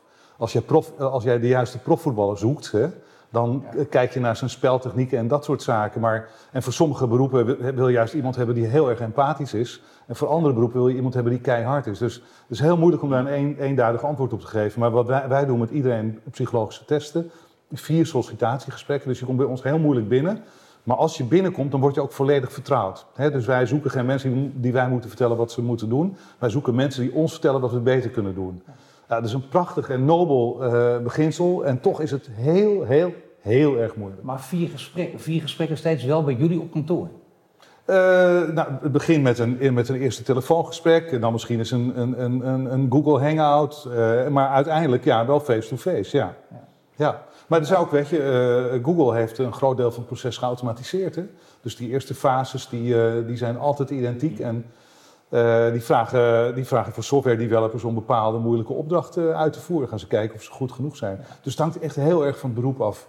hoe, je, hoe je de juiste Nou ja, persoon daarvoor even van jou weten. Kijk, als je gewoon eh, mensen die, die, die als ondernemer kunnen functioneren of die, die, die start-ups op weg kunnen helpen, dan, dan zou je ook kunnen zeggen, ga eens kijken hoe ze in verschillende situaties zich manifesteren. Nou, Nou, wij- de ene keer praten kantoor, de andere keer echt waar, of in, in het café of weet ik waar, op publieke ruimte. En één keer bij de, bij de familie Ja. thuis. Want dan gedragen mensen zich toch heel anders. Voor die start-ups, het selecteren van de start-ups vind ik makkelijker dan het selecteren. Die selecteren wij ook alleen maar op de mensen. We selecteren nooit op het idee. Maar wij weten inmiddels wel, hè, dan zoek je echt wel ondernemers. Wij weten gewoon dat als je een bepaald profiel hebt, is het niet zeker dat je het gaat redden als bedrijf. Maar als je een bepaald profiel niet hebt, weet je bijna zeker dat het niet gaat lukken. Ja. En dat laatste, dat is al een heel belangrijk eh, eh, besef. Dat hè, als je niet iemand bij eisen Wat is dat? Wat is dat? drive, weet je, als, Ja? Ja, ja, ja, ja, ja, als, ja. als niet, eh, wij, wij Ja. willen altijd teams van minimaal drie mensen hebben. We beginnen nooit met een one- or Hmm. two-man band. En als daar niet minimaal één persoon echt een enorme drive van heeft, iemand die echt bereid is om deze tafel op te eten, om het Ja. beste bedrijf van de wereld te bouwen, ja, dan, Ja. dan kan je er beter niet aan Ja. beginnen. En Maar dat is gelukkig goed, dat is dat een is groep- echt goed meetbaar. Dus dat is, eh, Maar dat is dat heel fijn. in groepjes op school altijd gaat. Maar als met z'n dan- drieën werkt en één heeft de drive. Ja. Maar dan mogen de twee dus ook een beetje de, de kantjes Ja, nou, dat wil ik Als maar heel slim als, zijn. als je dan komt in het stadium waar jij het over hebt, Erik, dat, hè, dat, dat, dat het bedrijf bestaat een paar jaar en er werken inmiddels tien mensen, dan is het ook wel fijn als er wat mensen bij zitten die wat empathischer zijn. Ja. Die een beetje... Ook in dat stadium. Nou ja, d- d- ja, dat mag ook in het begin. Maar nogmaals, dat, dat hangt het van de rest van het team af. Dus wij maken niet alleen, eh wij doen niet alleen individuele psychologische testen, wij kijken ook naar teamprofiel. Hè. Dus als we vier, vijf mensen hebben, kijken we, oké, zit er voldoende drive, structuur, eh, empathie, dat soort elementen in. Maar En dan, empathie niet altijd hebben? Empathie bedoel ik niet in de zin van, van heel vriendelijk en, en, en, keurig kunnen luisteren, maar gewoon empathie in de zin van begrijpen wat een ander van plan is. Dus je kunnen verplaatsen in de ja, ander. Ook in je eigen begrijp Ja, wat een is- ander van plan is, Nou dat ja. vind ik niet per definitie empathisch. Want dan kan je er nog vervolgens je keihard mee omgaan. Ja, natuurlijk. En daar kun je er hard mee omgaan. Maar het is denk ik een combinatie van wat Ruud zegt, van dat je echt heel duidelijk moet hebben wat voor skills, wat voor kennis zoek je. En dat je daar ook je uiterste best voor doet om dat Ja. boven tafel te krijgen. Ik denk dat heel veel werkgevers er een beetje lui in zijn. Maar ik denk ook Ja. belangrijk dat je als werkgever een visie hebt van waar staan we als bedrijf voor, hoe zijn we onderscheidend en hoe pas jij daarin. En en het articuleren van die visie en iets verder kijken dan eh, je neus lang is en ook de anderen daarin meenemen en overtuigen, zie ik ook niet heel veel in Nederland gebeuren. En dat zijn de Amerikanen misschien wat overdreven, maar wel goed in om die boodschap en de stip op de horizon en Ja. die match van het, het individu met het geheel eh, te benaderen. Stel dat je, dat je, dat je Onboarding zou je dan in modieus Ja. Stel dat je naar mensen op zoek bent die, die alles weten van software, die echt de top van de wereld zijn op dat gebied, je kunt ze in Nederland niet vinden. Dan zou je dus ook anders naar, naar immigratie bijvoorbeeld kunnen kijken. Wat, wat, wat zou je dan kunnen doen? Ja, nou ja, ik vind dat dat betreft eh, land Canada een mooi voorbeeld. Hè. Die kijken gewoon van hoeveel eh, software engineers hebben we nodig of hoeveel programmeurs hebben we nodig. En op basis daarvan kijken ze wat, hoeveel kunnen we per jaar vanuit het buitenland hebben. Dat vind ik een beetje een, ja, we zeggen een beetje professionele onboarding Ja. systeem van, de- van de migratie. Ik denk dat dat heel verstandig is. Ontkomen wij in Nederland niet aan. Ik denk dat we echt in dat soort termen moeten gaan denken. Om nog even terug te komen op jullie punt. Dus Ik mensen ook heel- veel makkelijker een vergunning geven. makkelijker, maar vooral ook kijken van waar we, ja, waar, hebben, we- waar hebben we behoefte aan? We hebben economisch behoefte aan veel meer programmeurs hè? of eh, aan software engineers. Nou, laten we daar eens een keer met die blik naar kijken. En niet alleen maar in de sfeer zoals we de afgelopen jaar hebben gekeken naar vluchtelingen en goh, zitten we niet vol en dat soort dingen. Hè? Ik vind dat dat een heel achterhaalde manier van kijken is. Eh, maar nog terug te komen wat jullie net zeiden. Kijk, die voorbereiding ben ik het mee eens. Hè, dat mensen, werkgevers, ondernemers zijn wel eens van ja, ik heb iemand nodig. Zo snel mogelijk maar aan het werk zetten. Terwijl in de voorbereiding je natuurlijk heel veel kan winnen. Ik heb ook wel geleerd na 30 jaar een beetje op intuïtie af te gaan. Hè? Ja. Ook even iemand, Gezonde ervaring. nou ja, nee, maar goed, laten we eerlijk zijn. Ja, ja, als dat- iemand een perfecte cv, ben je dan Ja. perfect door het gesprek. Als het hier niet goed voelt, doe ik het toch niet. Eh, omdat het meestal toch uitkomt, helaas. Hè? Ja. Natuurlijk kan je er ook wel eens een keer mis Ja. zitten. Maar Maar- ik heb Nou, wel geleerd, je- daar- volgens ik heb wel geleerd eh, da- daarnaar te luisteren. Zeg. Hè, hè, eindelijk een voordeel als je ouder bent. Dat Ja. ben ik het helemaal, helemaal mee eens. Dat is natuurlijk waar. Bedoel- Paul, mag ik nog even terugkomen op jouw vraag over de top software eh, developer? Weet Ja, je, ik denk dat wij gewoon moeten accepteren, zo, zoals we accepteren dat eh, Messi nooit bij Ajax zal gaan spelen. Nee. Dat de top van de software eh, developers in de wereld never ever in Nederland ooit zal werken. Ik werd ehm, gewoon dat we niet genoeg betalen. Ik werd eh, twee jaar geleden gebeld door eh, een headhunter en die was op zoek van een grote eh, Nederlandse bank naar, naar een van de beste CTO's ter wereld. Letterlijke vraag. Of ik, of ik de dame in kwestie daarmee in contact kon brengen. Ik zeg, dat wil ik met genoegen doen. Maar wetende dat hè, de best betalende medewerker van enige Nederlandse bank in Nederland is Ralf Hamers. 1,6, 1,7 miljoen euro. Een top CTO in Silicon Valley, die, die krijg je gewoon niet voor minder dan 10 miljoen dollar. Echte top, hè? En dan praat je echt over de top van Facebook, Google, dat soort mensen. Dus ja, je kan wel willen dat je, je... Je moet gewoon accepteren dat je sommige spelers niet kunt halen. Omdat dat gewoon niet... Ook al zouden we daar mentaal gezien als maatschappij in Nederland om toe zijn... We hebben gewoon de bedrijven niet die, die bereid zijn. Nou ja, nee, maar ook dat nog. Ja. Al, al, zouden we er dus mentaal aan toe zijn, wat, wat we nu niet zijn. Maar stel dat dat zou lukken, dan nog moet je dat gewoon accepteren, Hans. Want je zegt, kijk eens even naar wat, nou, wat uh, Canada en Australië dan... Nou ja, ik bedoel, we zijn in staat nog steeds, hè, we zijn een van de best presterende economieën in de wereld. We hebben hier waanzinnig goede mensen in alle vakgebieden. De echte misschien absoluut, absoluut top misschien niet, maar we hebben heel veel goede mensen. Ik vind nogmaals dat je alleen wat, wat, ja, wat moderner naar moet kijken. We hebben gewoon goede vakkrachten nodig op alle vlakken. En als die beschikbaar zijn, dan moeten we die omarmen en gewoon aan het werk zetten. Dat is gewoon een belang van de economie. Ook in het belang van het bereik van al die maatschappelijke uitdagingen. Ik hoop dat we daar wat volwassenen naar Had ik wil van jou wel weten. En moeten we dan ook een mentaal stapje maken? Misschien niet dat bedrag, want dat zou kunnen. Wat u nu zegt, van dat, dat gaat niet lukken in Nederland. Maar wel denken, nou ja, die mensen zijn ook zo goed. Die verdienen ook, die begrijpen ook dat. We moeten begrijpen dat die zoveel moeten verdienen. Nee, ja, ik ben daar wat huiverig uh, voor, moet ik eerlijk bekennen. Ik bedoel, als je ook uh, kijkt naar hoe, hoe, bijvoorbeeld in de bankenwereld hè, in het verleden dat argument werd gebruikt. Uh, en, en, wat er vervolgens in die bankenwereld allemaal is gebeurd. Dan denk ik, nou ja, kennelijk is het hebben van een enorm hoog salaris en als wiskit. want er zaten heel veel topwiskundigen zaten in de, bij Lehman Brothers en, en dat was allemaal het probleem niet. En maar ze hebben toch niet een, een, een, een systeem over zich gehad zoals je het eigenlijk had willen hebben. Dat is dat is het eerste. Het tweede is, uh, volgens mij um, is het heel belangrijk, en dat, dat geldt ook voor het Nederlands voetbal bijvoorbeeld, uh, dat je infrastructuur gewoon heel erg op orde is. Hoe kan het dat een club als Ajax toch uh, redelijk meekomt? Ehm, natuurlijk worden die jongens weggekocht op een goed moment, maar dat is wel omdat er een, kweek is, omdat al die, die MKB'ers dat Nederlandse voetbal steunen. Kom maar eens op een voetbalveld op, op zaterdag. Hè? En dat daar heel veel vrijwilligers werken dat er gescout wordt, dat er een eigen opleiding is enzovoort. Nou, dat, moet je, eh, dat is er voor een deel ook natuurlijk bij, bij onze universiteiten. Hè. Dus, uh, en vanzelfsprekend moet je natuurlijk ook zorgen dat je mensen uit het buitenland trekt. Hè. Maar je moet vooral zorgen dat je eigen kennisstructuur uh, heel goed op orde is. En als je dan eenmaal die vrienden hebt en die voetbalclub, ga jij zomaar naar Amerika omdat je daar groot geld? Nou, sommigen. Anderen zullen zeggen: nee hoor, ik, ik, ik ga gewoon lekker bij ASML werken, blijf ik ook gewoon. Dat is een, nog eens een topbedrijf ook. Dat is dan geen softwareontwikkelaar, maar, maar toch ook wel een heel, heel belangrijke ontwikkelaar. Dus, dus ik, ik denk dat je uh, inderdaad gewoon met een andere logica moet kijken naar zo'n economie. En dat geldt alleen Um, ja, dat, dat, dat is denk ik, een, dat, dat vertroebelt de blik. En dat je op bepaalde momenten uh, iets meer moet kunnen, is evident. Maar zorg vooral dat je eigen aanwas goed is. Dat het gewoon heel fijn is om in Nederland te wonen. En als je dan je vrienden hebt en, je, en op een gegeven moment misschien wel je kinderen, ja, dan ga je gewoon niet zomaar weg. Ik bedoel, dat, uh, nee, maar ik heb, ik heb het ook niet zozeer over mensen okay. die weggaan. Ik heb het over mensen die, die niet willen komen. Ja, nee, maar ja, als het is dan aantrekkelijk. ASML is, jij noemt ASML, dat is inderdaad de enige uitzondering. Misschien met NXP van, van een bedrijf wat in Nederland nog ontstaan is en groot is geworden en op lange termijn in de wereldtop kan meespelen. Maar er ontstaat in Nederland geen werkelijke wezenlijke concurrent van Google, Facebook, Apple, Tencent, noem ze allemaal maar op. Nou, nou Silicon Valley. dat, is, dat, dat is een mondiaal probleem. Maar we zullen moeten zien, hè, als je kijkt ook naar de maatschappelijke ontwikkeling op dit moment, hoe het uh, over een termijn van 10, 20 jaar met die bedrijven precies gaat lopen. En want je merkt. Anders, hè? Want vroeger is Philips en, en, letterlijk de VOC en Koninklijke Olie en Unilever, die zijn allemaal gewoon in Nederland min of meer begonnen en in Nederland gebleven. En, en, dat, en, en die aanwas zijn we gewoon kwijt. Ja, ASML is de laatste, maar nogmaals, we zitten ook in een... TomTom, Tom, Adyen. Tom, jongens, Tom, Tom is echt een heel klein spelertje. En Adyen met het meest, meest respect voor Pieter van der Doel, een fantastisch bedrijf. Die, nou, Adyen heeft misschien het, het, het potentieel.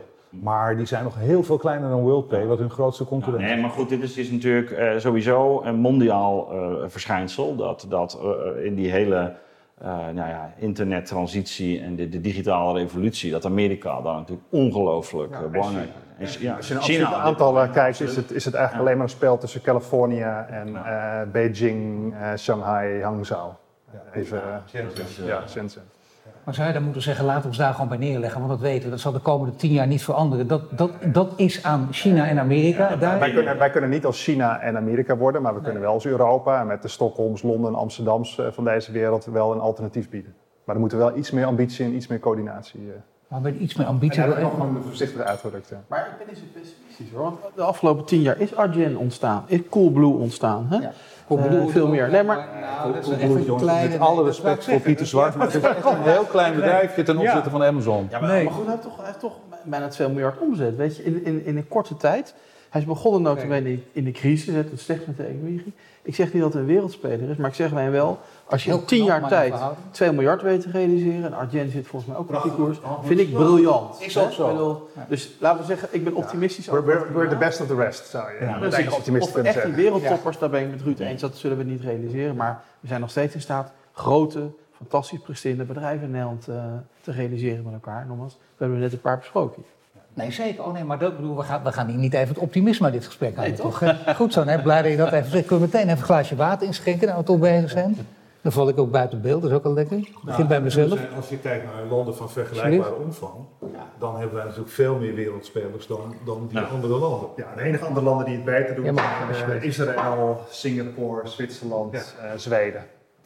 Maar dat is reëel om mee te vragen, maar toch interessant. De wereld is aan het veranderen op allerlei gebieden. Uh, ik, ik, spreek er vaak met, met, laten we zeggen, grote ondernemers over. Die zeggen altijd, maar toch de bedrijven zelf. Globalisering, technologisering, met alle negatieve kanten van dien. Maar dat betekent wel dat uh, ja, eh, je moet als bedrijf niet vastgeroest zijn. En zorgen dat er van alles gaat gebeuren. En kijken eens naar het verleden. Nederland kon het wel. We willen toch even weten hoe positief uh, al die uitzonderingen zijn, die, die iets kleinere. Nederland heeft een goede moeten wij gewoon ophouden om uh, naar die top... De vergelijking met voetbal gaat weer op. Af en toe zullen we het Champions League bijna kunnen winnen. Maar niet om de twee jaar.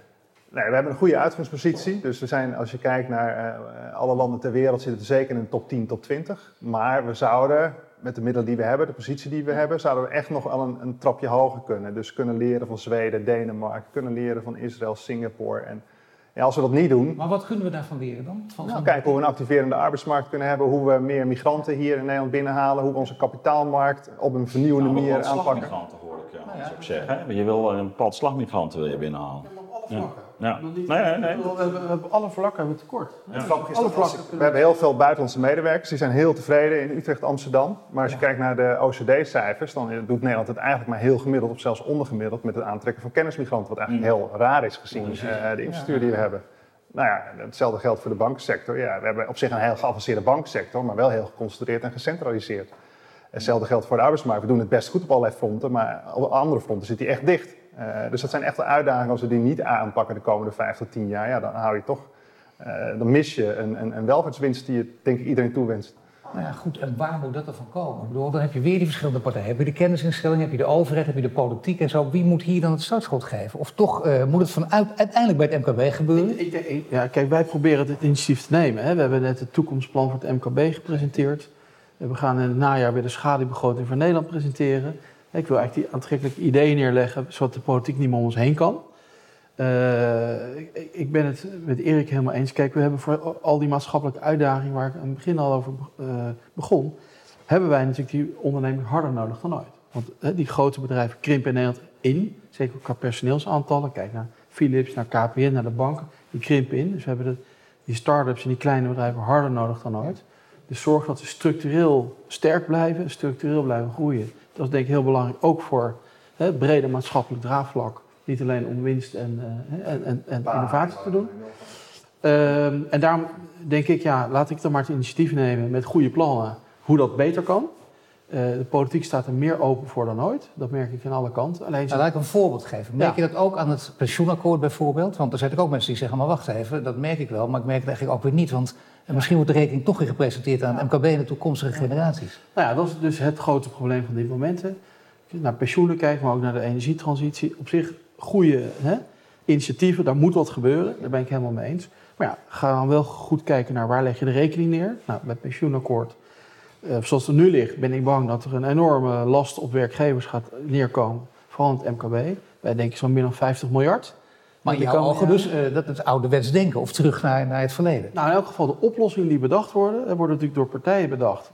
Lees VNO en FNW, die vooral die economie van vroeger uh, nog vertegenwoordigen. De politiek heeft het altijd heel makkelijk gevonden om bij die twee loketten hè, zaken te doen. Dat is makkelijk, overzichtelijk. Twee heren in een kamertje, je doet zaken en klaar. Hè? Maar je ziet dat het maatschappelijk draagvlak voor al die oplossingen is lastig te vinden. Ehm, ik ben niet tegen de pensioenhervorming. Ik ben heel erg voor energietransitie. Maar zoek oplossingen die breed gedragen worden en die het MKB en start-ups kunnen dragen qua lasten. En nu zie je dat de lasten vrij eenzijdig op dat MKB worden geschoven. Uh, en veel te weinig bij die grote Dan heb je niet alleen over het pensioenakkoord, maar ook over de energietransitie, oftewel klimaatakkoord. Klimaatakkoord, hè, dat is nu in Den Haag van alles gaande ook. Nou, we zitten daar dicht op. Maar je merkt de neiging om de rekening naar het MKB te sturen is nogal groot.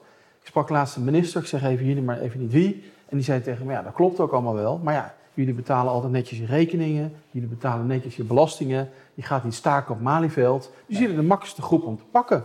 Nee, dat en, en, Shell, en Shell en ASML kunnen we niet kwijt. Die willen, nou ja, kunnen we niet kwijt. Dat is een lesje communicatie. Die minister zegt toch maar even wie het is. Ja, nee, maar goed. Hè? Je weet, de wegen in Den Haag zijn ondergrondelijk. Nee, maar, uh, maar dit is natuurlijk wel een beetje het, het, een van de uitdagingen. Ja, nogmaals, niet voor niks dat wij hier nu zo dicht tot dat binnenhof zijn gaan zitten. Ja. Tegenwicht aan te bieden. Maar het is, als je wil dat het bedrijfsleven mensen aanneemt. Uh, maatschappelijke uitdagingen oppakt, blijft innoveren. Er moet ook ruimte voor zijn. En als die ruimte opgaat aan pensioenen en aan klimaatakkoord, gaat het dus niet gebeuren. Hans, had jij liever geen akkoord gezien dan dit akkoord? Pensioenakkoord? Nou, dit, dit, dit, akkoord is eigenlijk een AOW-akkoord. Het is geen pensioenakkoord. Het heet pensioenakkoord. Maar het is vooral iets doen aan de AOW. Ja. En voor een deel begrijpelijk. Hè? Als jij 42 jaar stratenmaker bent en je moet nog acht jaar, begrijp ik best je dat dat iedereen daar naar kijken. Oh, voor mij, mensen die leven het Maar eigenlijk alle belangrijke, voor mij niet. Alle, alle belangrijke pensioenonderwerpen moeten eigenlijk nog opnieuw uh, uitonderhandeld. Ze zijn nu gemarkeerd. Ze zijn hè, genoemd. Ja, ook dat. Maar de echte uitwerking moet nog plaatsvinden. Maar er is nu vooral wat aan de AOW gedaan. Op zichzelf ben ik daar helemaal niet tegen. Laat het wel duidelijk zijn. Maar bijvoorbeeld, heel veel 40 en 50-jarigen hebben een enorm pensioen gehad op basis van deze, dit akkoord. Nou, al die mensen die hard nodig zijn in bedrijven, die zeggen, nou, ik wil wel komen, baas, maar vul dat gat eventjes. Nou, daar komt hier ruim 50 miljard lastenverzwaring op uh, uit voort. Het tweede is dat het uh, voor 60% van de mensen iets een akkoord is, namelijk iedereen die onder zo'n bedrijfstak pensioenfonds valt.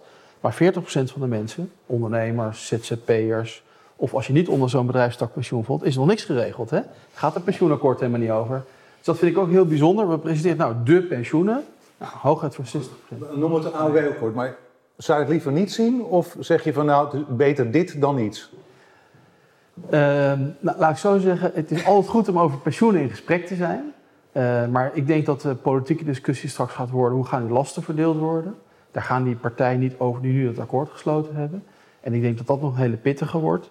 Want nogmaals, 55 miljard uh, afstorten richting het MKB qua lasten, dat is gewoon volstrekt onacceptabel. Dus of het dat allemaal gaat halen, want een akkoord is nog geen wetgeving, hè, dat moet ik allemaal nog maar zien. Toch is het vreemd, hè? terwijl ondertussen, dat, dat constateerden we meteen in, bij het begin van het gesprek aan tafel, dat, dat bijna iedereen nu, in tegenstelling tot de jaren 70 en 80, de ondernemers omarmt. Dus ook de MKB is omarmd, meer dan ooit. Maar er eigenlijk minder dan ooit voor doet. Ik probeer er even heel extreem te stellen, maar toch. Is dat niet, je, je zou dan bijna kunnen zeggen, om het cliché maar te gebruiken, je hebt nu een momentum, als je MKB bent, om, nou, wel iets te doen. Echt een nieuwe uh, opkomende ondernemende samenleving zou je kunnen zeggen, maar je zit dan met de structuren van een, een managerial society, dus waar grote werkgevers, waar grote vertegenwoordigers van werknemers met elkaar de balans ja. bepaalden. En nog uh, daarvoor de, de, de, de, religieuze zuilen. Ja. Nou, dat was een goede vertegenwoordiging, want je wist dat je een groot deel van de Nederlandse samenleving aan tafel kon hebben met een beperkt aantal mensen. Maar als we nu een ondernemende samenleving gaan hebben waar misschien 20, 30 procent van de uh, bevolking ondernemend is, als ondernemende werknemer, als ZZP en allerlei hybride vormen, in allerlei verschillende sectoren, want sectoren zijn ook een, een, een, een structuur van het verleden. Hoe ga je dan regelen dat die ondernemende samenleving ook aan tafel zit? Nou, dat is denk ik wel een, een grote maatschappelijke uitdaging waar we voor zitten. We, zijn, we, zien dat we met een klimaatprobleem, met een pensioenprobleem, een arbeidsmarkt, uh, klima, uh, kapitaalmarkt, maar hoe regel je uh, dat de, de, de juiste partijen ook aan tafel zitten zonder dat je 16 miljoen Nederlanders aan één tafel hebt, want dat gaat natuurlijk ook niet. Nee. Uh, daar hebben we ouderwetse oplossingen voor, maar nog geen nieuwwetse. Ja, ik, ik, slag een beetje aan ook op dat, dat oud en nieuw. En de vraag is wel, wat, wat, wat is dat precies? Hè? Dus ik denk, uh, enerzijds kun je zeggen, ja, we hebben de traditionele representanten. Of dat nou de, de bonden zijn, dan wel werkgeversorganisaties. Ja, precies, dat is gewoon de, sec de sector. Zelfs zuilen nog. Uh. Ja, dus dat is, uh, de, en je moet inderdaad zeggen, nou ja, dat, je ziet dat die traditionele instituties het, het, het, nou, het moeilijk hebben. Of dat, dat legitimiteit ook ter discussie staat. Uh, het tweede is denk ik een ideologie die we vanaf de jaren negentig wel heel sterk hebben gezien. je had het over het managerial denken. Uh, maar ook in die zin dat er natuurlijk met de, nou ja, wat ze dan noemen de neoclassieke revolutie of neoliberale revolutie, heel erg het idee van markten waarin ieder eigenlijk zijn eigen belang behartigt. Dus, en dat, dat levert dan uiteindelijk een, een, een optimum op. Dus het hele sterke marktgeloof. En ik denk waar we nu in zitten, ook met die uh, zowel geopolitieke vraagstukken, maar ook de, de transitie- milieuvraagstukken, daar we eigenlijk merken we, maar wacht even, er, zijn grenzen aan, aan die marktlogica. En een, een MKB'er die is niet alleen maar het concurreren om het hoogste rendement te halen, die werkt ook gewoon samen, weet je wel. Dus, dus ja, misschien Starbucks zoekt het hoogste rendement, dat kan best. En Shell wil zo min mogelijk belasting betalen. Maar gewoon het, het, het idee van een, uh, een samenleving waarin je een, een, publiek belang hebt. Een publiek belang, en er zijn een aantal dingen die nu op de agenda zijn. En we willen eigenlijk dat, dat, dat er een verhaal komt en de overheid moet daar gewoon een nemen. En dat geldt ook voor die pensioenfondsen, wat mij betreft, als ik dan maar alles op één hoofd mag gooien. Wanneer we alleen maar blijven kijken naar waar halen we het rendement vandaan. En we hebben niet het idee van, god, dat pensioen wordt in Nederland verdiend.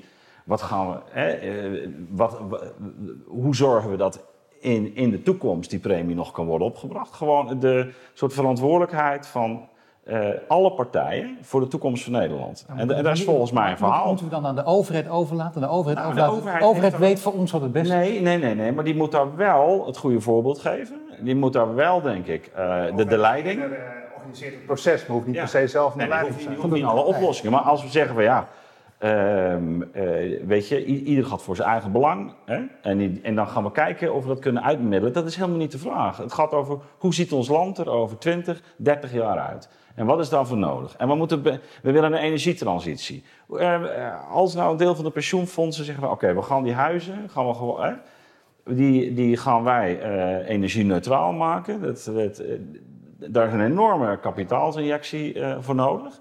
Maar betekent wel dat jij in de toekomst veel minder aan je energie kwijt bent. Uh, dat heel veel werk is voor MKB'ers. Nou, ik noem maar even wat. Hè. Het, het, ik zeg niet dat je dit moet doen, maar, de, maar, een goed verhaal voor, de, voor het publiek belang. Alle partijen die erbij horen, dat is wel waar. Maar volgens mij doen juist ondernemers, dat ik zwak een tijd geleden met de Koen van Oostrom, die kennen jullie ook, van vastgoedontwikkelaar is hij uh, omgevormd tot technologiebedrijf. Dus hij denkt heel veel over steden van de toekomst. Niet meer over de projectontwikkelaar die een gebouwtje neerzet en bam, een beetje monopolie speelt in zijn eigen terreintje. Maar die dus veel verder gaat. Ja, ik, denk, ik, ik wil nadenken dus met iedereen over steden. Ja, maar dat zie je dus ook, dat, dat gewoon die nieuwe ondernemersvormen, ook bij start-ups, co-creatie. Eh, de gewone, zeg ik al, MKB, die werkt ook samen. Die gaat niet alleen zijn eigen belang. Tuurlijk wil die een goede uh, marge halen, maar die, die, die, die weet echt wel uh, hoe die met zijn collega's omgaat. Nou, dat geldt hier ook. Dus je, je, moet volgens mij toe ook naar de overheid die weer een wat groter verhaal durft te formuleren. En hoeft ze niet alles zelf te, te verzinnen. Maar het idee dat, dat, je, dat je het alleen maar managerial uh, kan, uh, kan oplossen, waarbij je gewoon iedereen zijn eigen belang blijft, is, is volgens mij uh, een, een, echt een, een, een, doodlopende weg. En die tijd, die, dat is van vroeger zou ik zeggen. Er staan nu zulke dingen, of het nou over milieu gaat of niet. De, de, de, hele vraag van digitale veiligheid, geopolitieke kwesties. Nee, dit zijn veel te grote vraagstukken om te denken dat je dat door één marktpartij kan laten oplossen. Daar moet je gewoon uh, met z'n allen voor om. Dus je moet eigenlijk nog meer doen dan wat er, uh, veel meer doen dan wat er nu, nu gebeurd is. Nou ja, en, nog en, veel meer doen, maar dus de overheid, voor de duidelijkheid, de overheid bepaalt niet, maar de overheid geeft wel de mogelijkheden. Daar gaat het om. Ja, en verder de oplossingen liggen bij. Maar de oplossingen liggen dan toch vooral bij het MKB, bij de start-ups. Nou, waar we van in de jaren 70 van dachten, die zijn alleen voor zichzelf bezig, dat blijkt helemaal niet waar te zijn. Uiteindelijk hebben we er allemaal wat aan. Natuurlijk. Moet je kijken naar al die innovaties. Natuurlijk, maar als je bijvoorbeeld die energietransitie. Wat we nu doen is, we halen de doelstellingen niet. Uh, hebben we een staatsbedrijf hè, uh, uit, Zweden. Die gaat dan plotseling hier in Nederland uh, initiatieven ontplooien. Ja, ja, goed, maar, maar, ja, maar als je dan het Deens model neemt, hè, dan zie je dat er eigenlijk allerlei lokale coöperaties zijn geweest. Waardoor mensen ook het idee hebben, goh, ja, weet je, we hebben er zelf ook nog voordeel van. En we hebben inspraak en noem maar op. En in Nederland hebben we dat echt fundamenteel, ook die transitie, verkeerd aangepakt. Als je dat samen met pensioenfondsen, met corporaties, met, met MKB zou doen. En, en, en, mensen, burgers hebben gewoon het gevoel dat ze daar aan deel kunnen nemen. Dat het niet over hen wordt zeggen, uitgestort. In een ondernemerssamenleving. Ja, in een ondernemerssamenleving. Ja, ja, maar, maar niet polderen over uh, een winst- en verliesrekening. Snap je? Want dat is waar we, waar, maar gewoon zeggen van, goh, hoe gaan we nou... Er komen een aantal grote maatschappelijke vraagstukken, die liggen er. En hoe gaan we daar nou gezamenlijk uitkomen? Ja. Nou, dat- Anders lopen er nog meer gele hesjes over straat als we het niet doen. En heel veel gele hesjes straks. Nou ja, ik denk, ik denk die, weerstand die je nu ook ziet rond die. Ik bedoel, eh, het enorme succes van Forum heeft, heeft heel veel te maken met onvrede met betrekking tot eh, die energietransitie. Die, en dat is ook een deel van eh, echt, echt gewoon politiek falen in mijn. dat had gewoon anders gekund, weet je wel. Ja, Kijk toch even naar de andere hoogleraar aan deze tafel. Ja, is dat een, het beste om, om, om die kant op te gaan? Om te zorgen dat het... Nou, als Het je, verschrikkelijke woord verbinden is gelukkig niet gevallen, maar we weten dat we het toch even moeten gebruiken. als je vindt dat de ondernemende samenleving een goed idee is en misschien wel het beste idee om toekomstbestendig te zijn, om even dat beleidswoord te gebruiken, dan moet je ook eigenaarschap en ambitie eh, stimuleren. kun je niet gaan uitrollen. Zo. En dan is vervolgens de uitdaging, ja, hoe ga je dat organiseren? Dat is, daar, heb ik geen, daar is geen eenduidig antwoord Nou, op. ik denk dat ik het wel weet. Misschien eh Ruud Hendricks, eh, premier van Nederland maken. Nou, dat lijkt me buitengewoon slechte gedachte. Zou ik Oké, zeker goed. niet doen. Nou, wel inzetten om experimenteervermogen en opschaalvermogen van Nederland wat Ik beter zou te wel maken. willen zorgen dat, eh, dat de overheid, en trouwens niet alleen de overheid, eh, iedereen zijn rekeningen 30 binnen 30 dagen zou betalen. Dat zou, dat zou het MKB en die kleine start-ups wel enorm helpen. Zeker, maar hoezo binnen 30? Waarom niet gewoon binnen twee dagen? Nou ja, omdat het, het is nu 90, dus ik dacht van, weet je, 90, Ja, maar jij bent 60, verschrikkelijk. dan naar 30 gaan. Dat, eh. Dat Maar zelfs dat is, dat is echt heel moeilijk. Hè? Gewoon de rekeningen netjes betalen. Dat is echt een big issue. Nee, ja, nee dat, is, dat ben ik helemaal mee eens. Er was gewoon bij, bij zo'n ondernemerscongres waar het echt ging over die twee dagen. Dat iemand ook zei, niemand had er echt antwoord op. Ja, maar dat is administratief. Oh, nou, er komen vier dagen uit. Allemaal, weet je, iedereen die naar de bakker gaat betaalt het brood ter plekke. Maar als je een dienst verricht voor een grote onderneming, dan zegt die ondernemer, nou dan betaal ik je over drie maanden. Dat is toch echt van de zotte. Het ellendig is, voor kleinste en jongste bedrijven is het meest ellendig. Ja. Want die hebben Ja, geen... want- eh, want- geen en eh, uiteindelijk, die middel, dat zegt een groot bedrijf tegen een middelgroot bedrijf. En uiteindelijk gaat dat de hele keten door tot die ZZP'er die er echt door in de problemen komt. Nee, dat is natuurlijk waar. Dus dat kunnen we. Nou, dat is toch wel heel schoon werk voor de ondernemershuishouden om eventjes daar tegenaan te gaan. Nou, overigens, die wet- er is een wet op de betalingstermijnen, dankzij ons ingevoerd overigens. Hè, die gewoon regelt, die, die gewoon regelt, de betalingstermijn is 30 dagen, punt. Hè? Alleen Tenzij partijen iets anders ja, afspreken. mag tot maximaal 60 dagen. Ja. Eh, maar ja, ook al spreek je het af, grote bedrijven hebben toch inkoopmacht. Ja. Die zeggen, ja, het is allemaal waar, ga maar naar de rechter, ik betaal pas na 90 dagen. Ja. En dat blijft toch lastig? Ja. Als je een kleine ondernemer bent, om dan nou ja, tegen een groot bedrijf te zeggen, joh, ik Nee, hou, maar- hou je even van de wet. Maar die kleine ondernemer zou dat grote bedrijf niet naar de rechter moeten brengen. Dat zou- de overheid zou gewoon moeten zeggen, hé, hey, wij zien, u betaalt te laat. Ja, Misbruik van marktmacht. Ja, zo is het. Is het? Ik zat wel te denken, we zitten op hele verschillende terreinen eigenlijk nu. Want eh, daar gaat het over de overheid, maar toen het ook over de overheid ging, in algemeen belang. Zat jij ook mee te knikken? Nou, ik vind, kijk, ik, een van mijn stellingen is dat ik voor, echt voor de overleg-economie ben, maar tegen de huidige polder. Hè. En die huidige polder zijn twee, drie partijen die in een hokje duiken Ja. en die gaan het dan eventjes regelen. Ja, en het gaat ook heel Eh, erg over financiën. Gaat Het, vaak gaat over geld. dus het is niet een, een, een, echt een visionair plan van oké, hier gaan we naartoe. We zien dat die veranderingen Nou, ik- gaande zijn. Ik, ik denk wat een beetje ontbreekt in Nederland, ik heb ook niet zo, een beetje een hekel aan het woord visie, maar gewoon het idee van hoe, hoe, nee, maar hoe gaan we nou ons. Nee, maar, Gaan we naartoe? nee, maar, hoe, nee, maar hoe, het verhaal is volgens mij, hoe gaan we ons eigenlijk ons geld verdienen hè, de komende 10, 20 jaar in Nederland. En de manier van geld verdienen die stond eigenlijk 20, 30 jaar vast. Hè. Dat was een bepaalde manier. Na de oorlog moesten we eens opbouwen. Toen hebben we 20, 30 jaar gezien dat vooral die grote bedrijven, Philips, net nog genoemd, de banken, die werden heel erg groot. MKB werd een beetje denigrerend naar gekeken. Startups kennen we nog niet. Sinds de crisis is het totaal veranderd. Je ziet de grote bedrijven krimpen eigenlijk alleen maar in. MKB en startups komen op. Maar ja, die verdienen op een andere manier geld. Die groeien anders dan voor die crisis. En we hebben alleen een wet en regelgeving en de hele overleg-economie hebben daar nog niet op afgestemd. Dat is volgens mij de overgang die jij bedoelt, hè, van de managerial economy naar de entrepreneurial economy. En de spelregels, zeg maar, hoe gaan we met elkaar om in die entrepreneurial economy, die ze- moeten we nog ontdekken. Ik denk dat daar een grote uitdaging is om dat te doen. visie op tafel leggen waar de entrepreneur economie het beste alternatief is. ik noem dat dan, hoe gaan we ons geld verdienen? Maar dat is visie. Maar Dat moet je niet doen, Hans. Je moet niet, hoe gaan we ons geld verdienen? Dat is, Nou, eh, dat toch wel is, nee. Nee, nee, nee, nee, nee, nee, nee. Dat is, nee, het is heel belangrijk. Dat is wel belangrijk. Nee, maar het is, leven van geld verdienen. Jawel, maar ik bedoel, dat, dat vroegen ze in de financiële sector ook. Hoe gaan we ons geld verdienen? zijn kun je En we weten allemaal, we weten... als een land. Als een land. Niet, Nee, nee, maar ik denk dat het... Kijk, dat is heel belangrijk. Maar volgens mij is het er ook als je vraagt naar natuur, naar de, de intensieve eh, veeteelt, naar eh, het energievraagstuk. Het is in wat voor wereld willen we leven. En dat daar geld verdiend moet worden, is evident. Maar hoe, hoe willen we dan dat, eh, dat jouw eh, kinderen in de toekomst, eh, of je kleinkinderen, gaan leven hier? En dus het gaat over veel meer dan alleen geld verdienen. Is ontzettend, is ontzettend belangrijk. Maar volgens, en, en, en, en, ja, maar dat is ook volgens mij een aansprekender verhaal. En dat jullie aan de MKB wil bijdragen aan het vormgeven van die wereld van de toekomst. Waarin je ook rekening houdt met die natuur en met die transitie.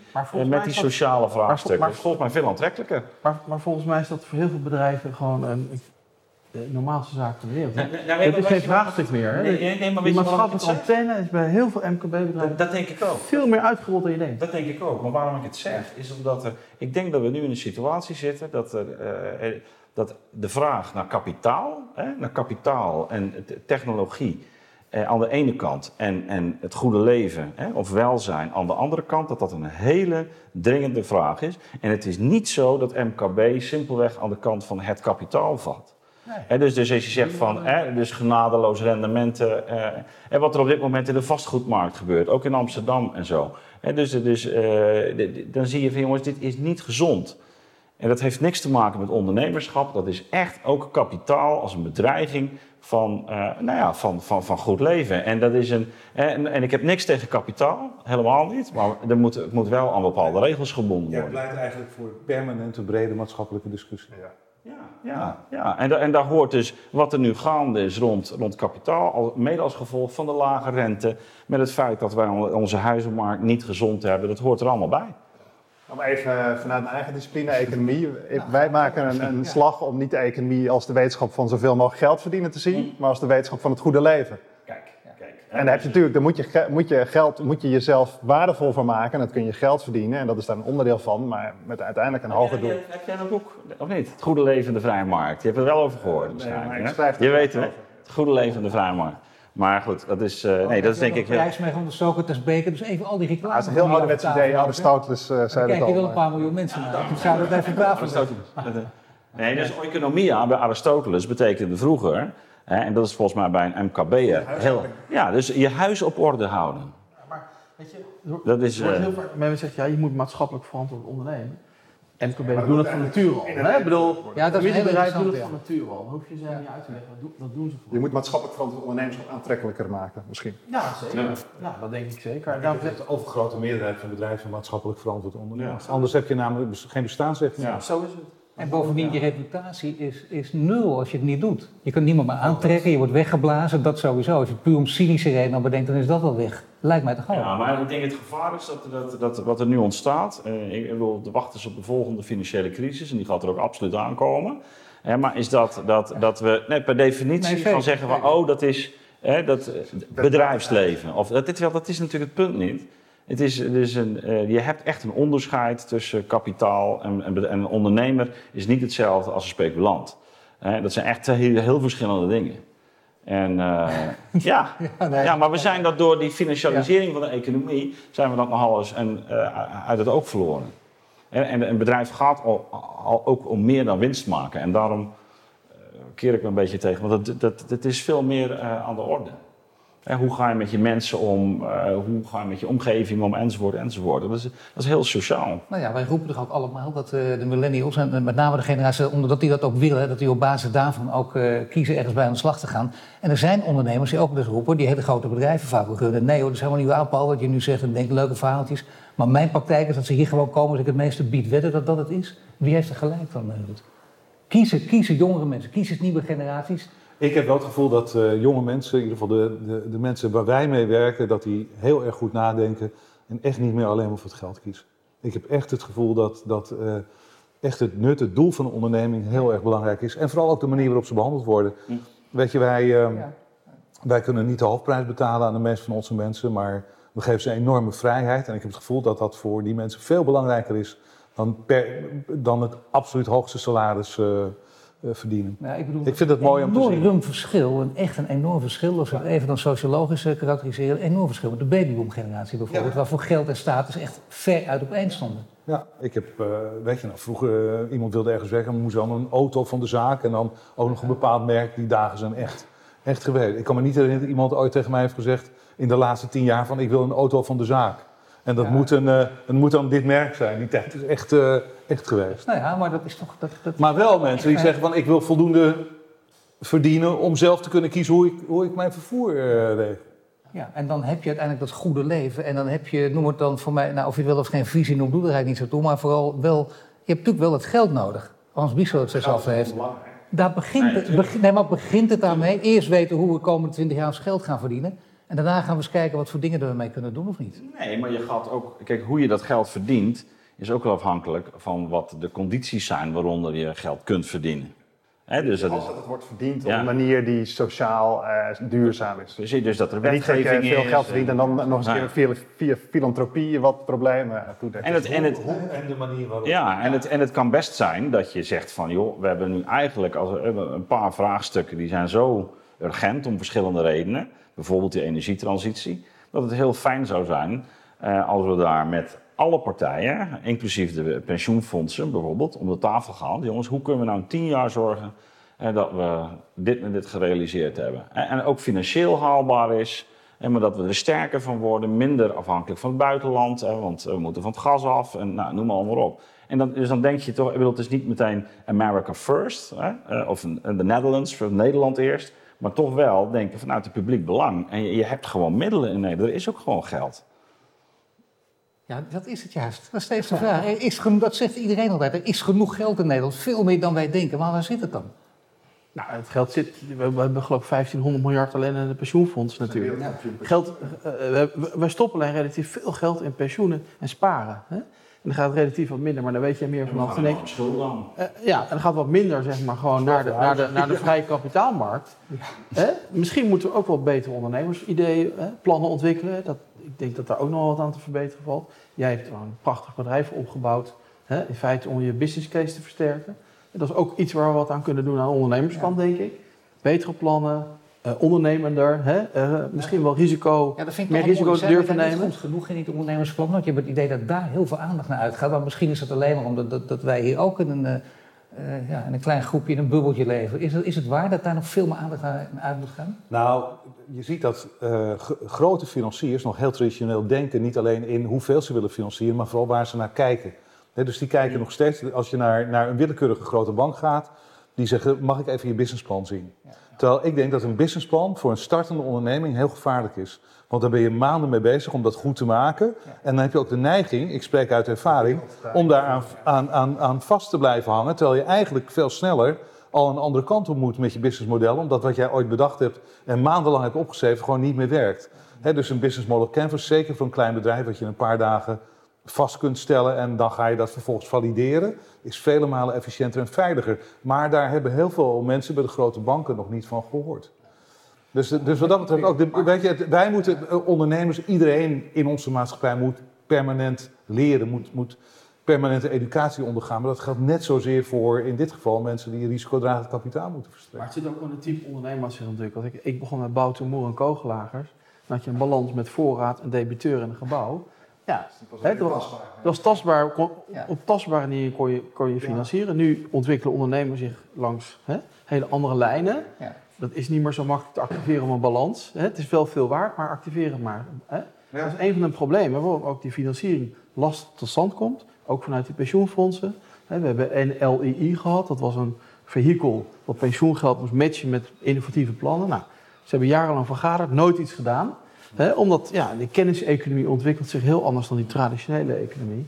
Eh, en daar moeten we ook in leren. Dus en dat, Ja, heel, helemaal eens. Volgens mij heeft alles te maken ook met eh, ja, toch de verkeerde rol van, van modelleren en, en voorspelbaarheid. Hè? Dus, eh, je wil eigenlijk zoveel mogelijk de toekomst nu al kunnen uitrekenen.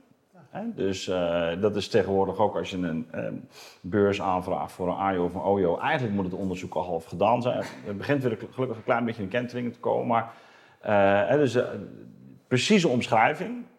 En ik denk dat het kenmerk van transitie, maar ook voor ondernemerschap, is nou juist, ja jongens, we weten het niet helemaal zeker. We weten wel dat de wind uit die hoek komt, dat het die kant op gaat. Eh, en, en we moeten een aantal dingen gaan proberen. Eh, die gaan ook allerlei andere effecten hebben die we nu nog niet kunnen overzien. Dus eh, kijk maar naar de geschiedenis van internet. We wisten helemaal niet dat, dat, dat zo'n economische bedrijvigheid zou ontstaan. Dus het is gesteld dat we gaan die transitie doen en we, we zetten er met 5G en de Internet of Things, gaan allerlei dingen gebeuren die wij helemaal niet weten. Eén ding weten we wel, als we, als we dat nu versneld doen, En, en, en, we maken er hier een speeltuin van, dat we ook zorgen dat er allerlei dingen kunnen gebeuren, waarbij we ook eh, met het oog op het buitenland en in de toekomst geld kunnen verdienen. Maar je kunt het niet uitrekenen, dat is krankzinnig. Heel, sterker nog, het hele beurswezen is erop gerekend dat je investeert in dat wat je niet kunt uitrekenen. Want als we het zouden... Ja, de paradox zit in dat uh, Louis Pasteur, dus de scheikundige, chance favors the prepared mind. Dus toeval is en openheid is, ja, daar moeten we nou mee zien te leven. Dat betekent natuurlijk niet dat je niets moet doen. Je moet je wel voorbereiden en zo goed mogelijk plannen, leren, je absorptievermogen op orde houden, je netwerken goed ontwikkelen. Maar sowieso wij, net als uh, jullie hadden het over uh, de jeugd van tegenwoordig, mag ik bijna zeggen, de studenten nu iets minder op zekerheid bouwen. Ja, iets, meer de, iets meer de onzekerheid omarmen. Ja. Maar tegelijkertijd moet je als samenleving wel een, een bodem van zekerheid bieden. Ja, voor, maar, dat, maar dat is het, denk ik. Hè. Dus, dus uh, ik, ik, denk dat een, een, deel van de politieke verwarring ook komt dat we in, in verschillende. Wat, waar het verschillende agenda's betreft, niet meer goed uh, in control zijn. of het nou de euro is of uh, het vluchtelingenproblematiek, en dan wijzen we naar Europa, en dat is voor een deel ook wel waar. Maar als je met te veel dingen gaat zeggen, ja, we weten ook niet precies. Hè, uh, kan die kant op, kan die kant op. Ja, uh, globalisering, ja, dat is helemaal een feit, onvermijdelijk. Uh, en je, dan, dan worden mensen onmachtig. En wat je dus... Je moet wel in charge zijn, ja. maar niet in control. Dus ja, je moet dus, niet het dus, idee dus, hebben je, je, je, moet wel zeggen, oké, we, we, bouwen wel iets met elkaar, weet je. Het kan, hè, we laten je niet vallen en zo. En, maar we gaan wel een risico aan. En de, de, maar weet je, dat risico nemen is heel belangrijk, maar ik denk dat er een veel grotere uitdaging is te zorgen dat we met z'n allen straks nog een zinvol bestaan hebben. Er wordt op een enorme manier geautomatiseerd. World Economic Forum zei dat meer dan de helft van alle banen die twee jaar geleden bestonden in 2025 geautomatiseerd kunnen zijn. Nou weet ik wel dat banen die verdwijnen, er komen ook weer nieuwe banen bij. Maar er komt een groep. Wij weten ze niet hoe zo'n mensen moeten komen. Er komt een groep van mensen voor wie er straks geen economisch nuttige dagvulling meer is. En hoe ga je nou zorgen dat die mensen toch een gelukkig, zinvol, prettig bestaan hebben.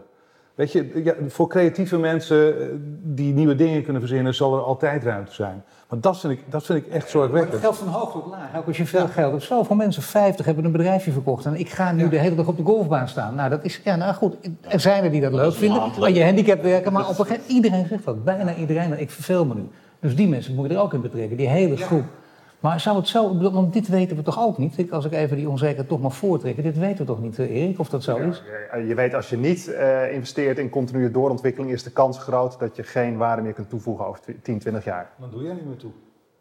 Nou ja, dus dat dus van meer uh, uh, focus op investeren in menselijk kapitaal en organisatiekapitaal dan we nu doen, om die banen die er over tien jaar niet meer bestaan, nieuwe banen te genereren, dat is denk ik wel iets waar we een verantwoordelijkheid hebben, zonder te weten waar dat precies heen gaat. En hoe groot dan de groep is die wel zich weet door te ontwikkelen en waardevol weet te zijn. Of dat dan 80 of 70 procent is en wat we met de andere 20 of 30 procent, dat is, ja, dat is een groot maatschappelijk vraagstuk waar ik nu nog geen antwoord op kan geven. Maar het zijn dat is denk ik sowieso een, een, een enorm uh, uitdaging. En, en dat, dat probleem zien we nu al met name rond de, de techbedrijven is dat als je kijkt naar de, de, de, dus de, de beurswaarde van een, van een Facebook hè, en je kijkt naar hoeveel mensen er in dienst zijn, dat is uh, nou een fractie van, van wat er bij een BMW uh, of een Volkswagen werkt. Hè. Dus, dus uh, die, die overigens nog kleiner zijn qua beurswaarde. Dus, dat is een, dus je ziet dat. alle Facebook gebruikers als werknemers ja, ziet. Ja, ja, dat, dat is. Okay. Nee, maar gewoon, dus als we vanuit het reguliere model kijken. En dan zie je dus, dat is dit, dat is dit vraagstuk. Hè, dus de gigantische waarde, eigenlijk rond technologie. De vraag is of dat ook zo gaat blijven. Ik denk dat er, daar ligt ook een politiek vraagstuk, maar tegelijkertijd weinig uh, arbeid die daarvoor uh, nodig is. Terwijl arbeid is traditioneel in de klassieke economie het beginsel van de herverdeling van welvaart. Hè. De, de ene heeft veel geld en die kan, dan kan een ander voor zich laten werken. Als ik nou dat een computer laat doen of een robot, dan, dan krijgen we een heel ander verhaal. Dus naast die zinvolheid dan krijg je ook uh, bepaalde maatschappelijke onrust natuurlijk. Hè. Die is de ledigheid is des duivels oorkus enzovoort. We weten niet precies hoe het gaat lopen. Hè. Dat is, uh, je ziet nu ook wel bijvoorbeeld dat de horeca uh, een, een, een, enorme toename kent. Hè. En daar zou een robot nooit van de plaats kunnen komen. Dat wordt voortdurend ook genoemd. Ja, is die horeca-wereld toch ook. Dat is echt een... nee, maar met robots nieuwe dingen doen. Hè. Dus gastvrijheid dat, kun je, ja. dat is echt nee, maar er zijn een aantal banen waarvan je bijna zeker weet... die bestaan over twintig jaar gewoon echt niet meer. Ja. Hè, ik vraag wel eens aan een taxichauffeur... Wat ga je nou doen straks? En dan zegt hij, hoe bedoel je? Nou, jouw baan is er straks niet meer, want we gaan autonoom rijden. Het kan ja. vijf jaar duren, tien jaar duren. Bill Gates zei van mensen hebben de neiging te overschatten wat er in de komende twee jaar gebeurt, maar te onderschatten wat er in de komende vijf jaar gebeurt. Zal het 30 jaar zijn. Maar eh, piloten, weet je, een automatische piloot is, is, al jaren in de luchtvaart actief. Maar als je die mensen vraagt van wat ga je nou doen, er zijn er heel weinig die echt nadenken lange termijn over waar, hoe ga ik mijn dag dan nog, nog zinvol invullen. De onbemande hotels en zo, nee, er zijn heel veel voorbeelden te noemen. En dat geldt ook, vroeger was het ook vrij gemakkelijke discussie. Dan kon je zeggen, ja wij aan deze tafel niet. Nee, het gaat alle lagen van de bevolking heen.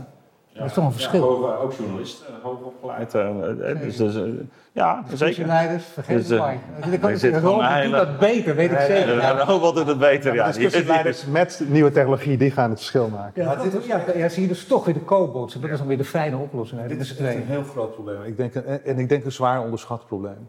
Ik denk dat we daar veel meer mee bezig moeten zijn. Weet je, permanente educatie kan dat voor een deel misschien oplossen. Dat je, nou, ja. Maar het geeft het niet meer. Sterker nog, bedoel, er is natuurlijk ook een heel scenario waar je ziet dat er relatief uh, weinig uh, werk is uh, voor de, de, de, huidige HBO'er. Dus, dus, dat er een selecte groep hoogopgeleid is. En dat juist nog heel veel laag opgeleid werken. Dus van, van kelner tot schoonmaker in een huis tot. tot dus, dus, ja, dat, dat, is nog niet te automatiseren. Dat is, dat is, nee, dat is nog niet te automatiseren. Een deel van de, van de, laten we zeggen, persoonlijke productie. Hè, dus de loodgieter. Heel moeilijk om een loodgieter ja, te robotiseren. Die, hè, dus, dus dat is echt een groeimarkt. Ja. Um, ja, nee, je zou er veel meer mensen eigenlijk hebben. We hebben nu tekorten juist, hè, waar het gaat om, om dit soort uh, technieken, terwijl het heel moeilijk te automatiseren is. Uh, en dit zeggen wij op het moment dat de werkloosheid historisch ja, laag is. Hè? Dat is ook wel heel bijzonder. Ja. Nee, dus, dat dus dit is ook het moment, je moet het, het dak repareren als de zon schijnt. Dit is het moment om erover na te denken, daar wat aan te doen wel heel raar dat dat niet gebeurt. Ik bedoel, in jouw wereld, je komt ook heel veel politici tegen, dan, dan zal hier toch, mag ik hopen, wel over nagedacht worden. Ja, er, er, wordt, er wordt best over nagedacht. Ik bedoel, het is hier in Den Haag echt wel een discussie. Arthur zijn de vorige periode al, hè, heeft het ook al vrij duidelijk benoemd wat jij net zegt. Het lastige is alleen weer, dan kom ik terug op dat punt van net, met die managerial ogen, kijken naar oplossingen in, die, in, in, de, in de entrepreneurial economy. Daar, uh, ook daar geloof ik in dat dat, het betrekken van de samenleving bij oplossingen heel belangrijk is. Uh, want er is natuurlijk heel veel werk. Hè? Ik bedoel, op dit moment ja. hebben we gewoon 200.000 vacatures in Nederland die we niet kunnen vullen. Werk is op dit moment zat. Dus we kunnen ook veel meer mensen activeren. Uh, wat ik heel intrigerend vind. We hebben een miljoen mensen aan de kant. En het lukt ons niet daar een klein beetje vanaf te krijgen. Ook zelfs in deze tijden niet. Hè? Dus op een, een of andere manier zitten we nog in die oude systeem. Ja. En daarom geloven we het ook niet. Het is heel moeilijk om zo lang vooruit te kijken. Dat is net als je 20 bent, dan ben je ook niet meer je pensioen bezig. Dus ik snap het heel goed. Als jij nu een chauffeur bent van 30, en je ziet al die bedreigingen, maar dan ben je er niet bezig met over 30 jaar, dat geloof je toch wel? En er zijn tegelijkertijd zoveel voorbeelden van bankmedewerkers. Ik geloof dat er de afgelopen twee jaar, terwijl de economie een stuk beter ging, meer dan 20.000 banen bij de banken zijn verdwenen. Ja.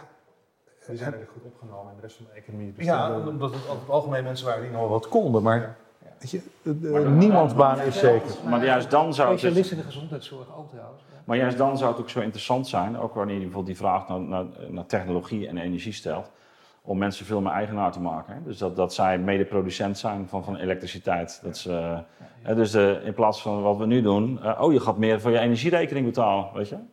Dus zeggen, wacht even, we hebben juist met, al die moderne technologieën... Maar dat zegt hoogleraar energietransitie Annelies Huigen toch ook? Ik heb een keer een interview met jou zelfs, die heeft geroepen dat er als windmolens die staan, die vinden allemaal heel lelijk. En dan wil je, die discussie wil je weghouden, dus wat doe je? Maakt mensen mede-eigenaar. Dan ga je niet over die lelijkheid hebben, dan denk je, hé, hey, mijn windmolentje. Nou ja, of het ziet, er, het ziet er, anders, het ziet er anders uit. Het ziet er anders uit, maar in ieder geval, maar dat, dat, dat, dat, gaat dus wel over de toekomst van waar gaat kapitaal naartoe hè? Uh, in relatie tot technologie. En wat we nu zien is dat Nederland toch wel heel sterk de neiging heeft om het vrij centraal uh, uit te, rollen. Terwijl juist eigenaarschap rond technologie, wat ook heel goed kan, wat ook heel goed kan. Hè, dus het, interessante juist van heel veel productieprocessen nu is dat ze decentraal mogelijk zijn. Hè, tot en met de 3D-printer. Niet dat ik eh, zeg dat iedereen een 3D-printer moet aanschaffen, maar je zit energieopwekking. Hè, je kunt van, van huis uit werken. En je, dus heel veel kan eigenlijk decentraal. Dus, uh, en dan ga je dus deze transities ga je centraal inrichten. Ik denk dat dat heel onverstandig is. Ook, ook als je het daarover uh, hebt.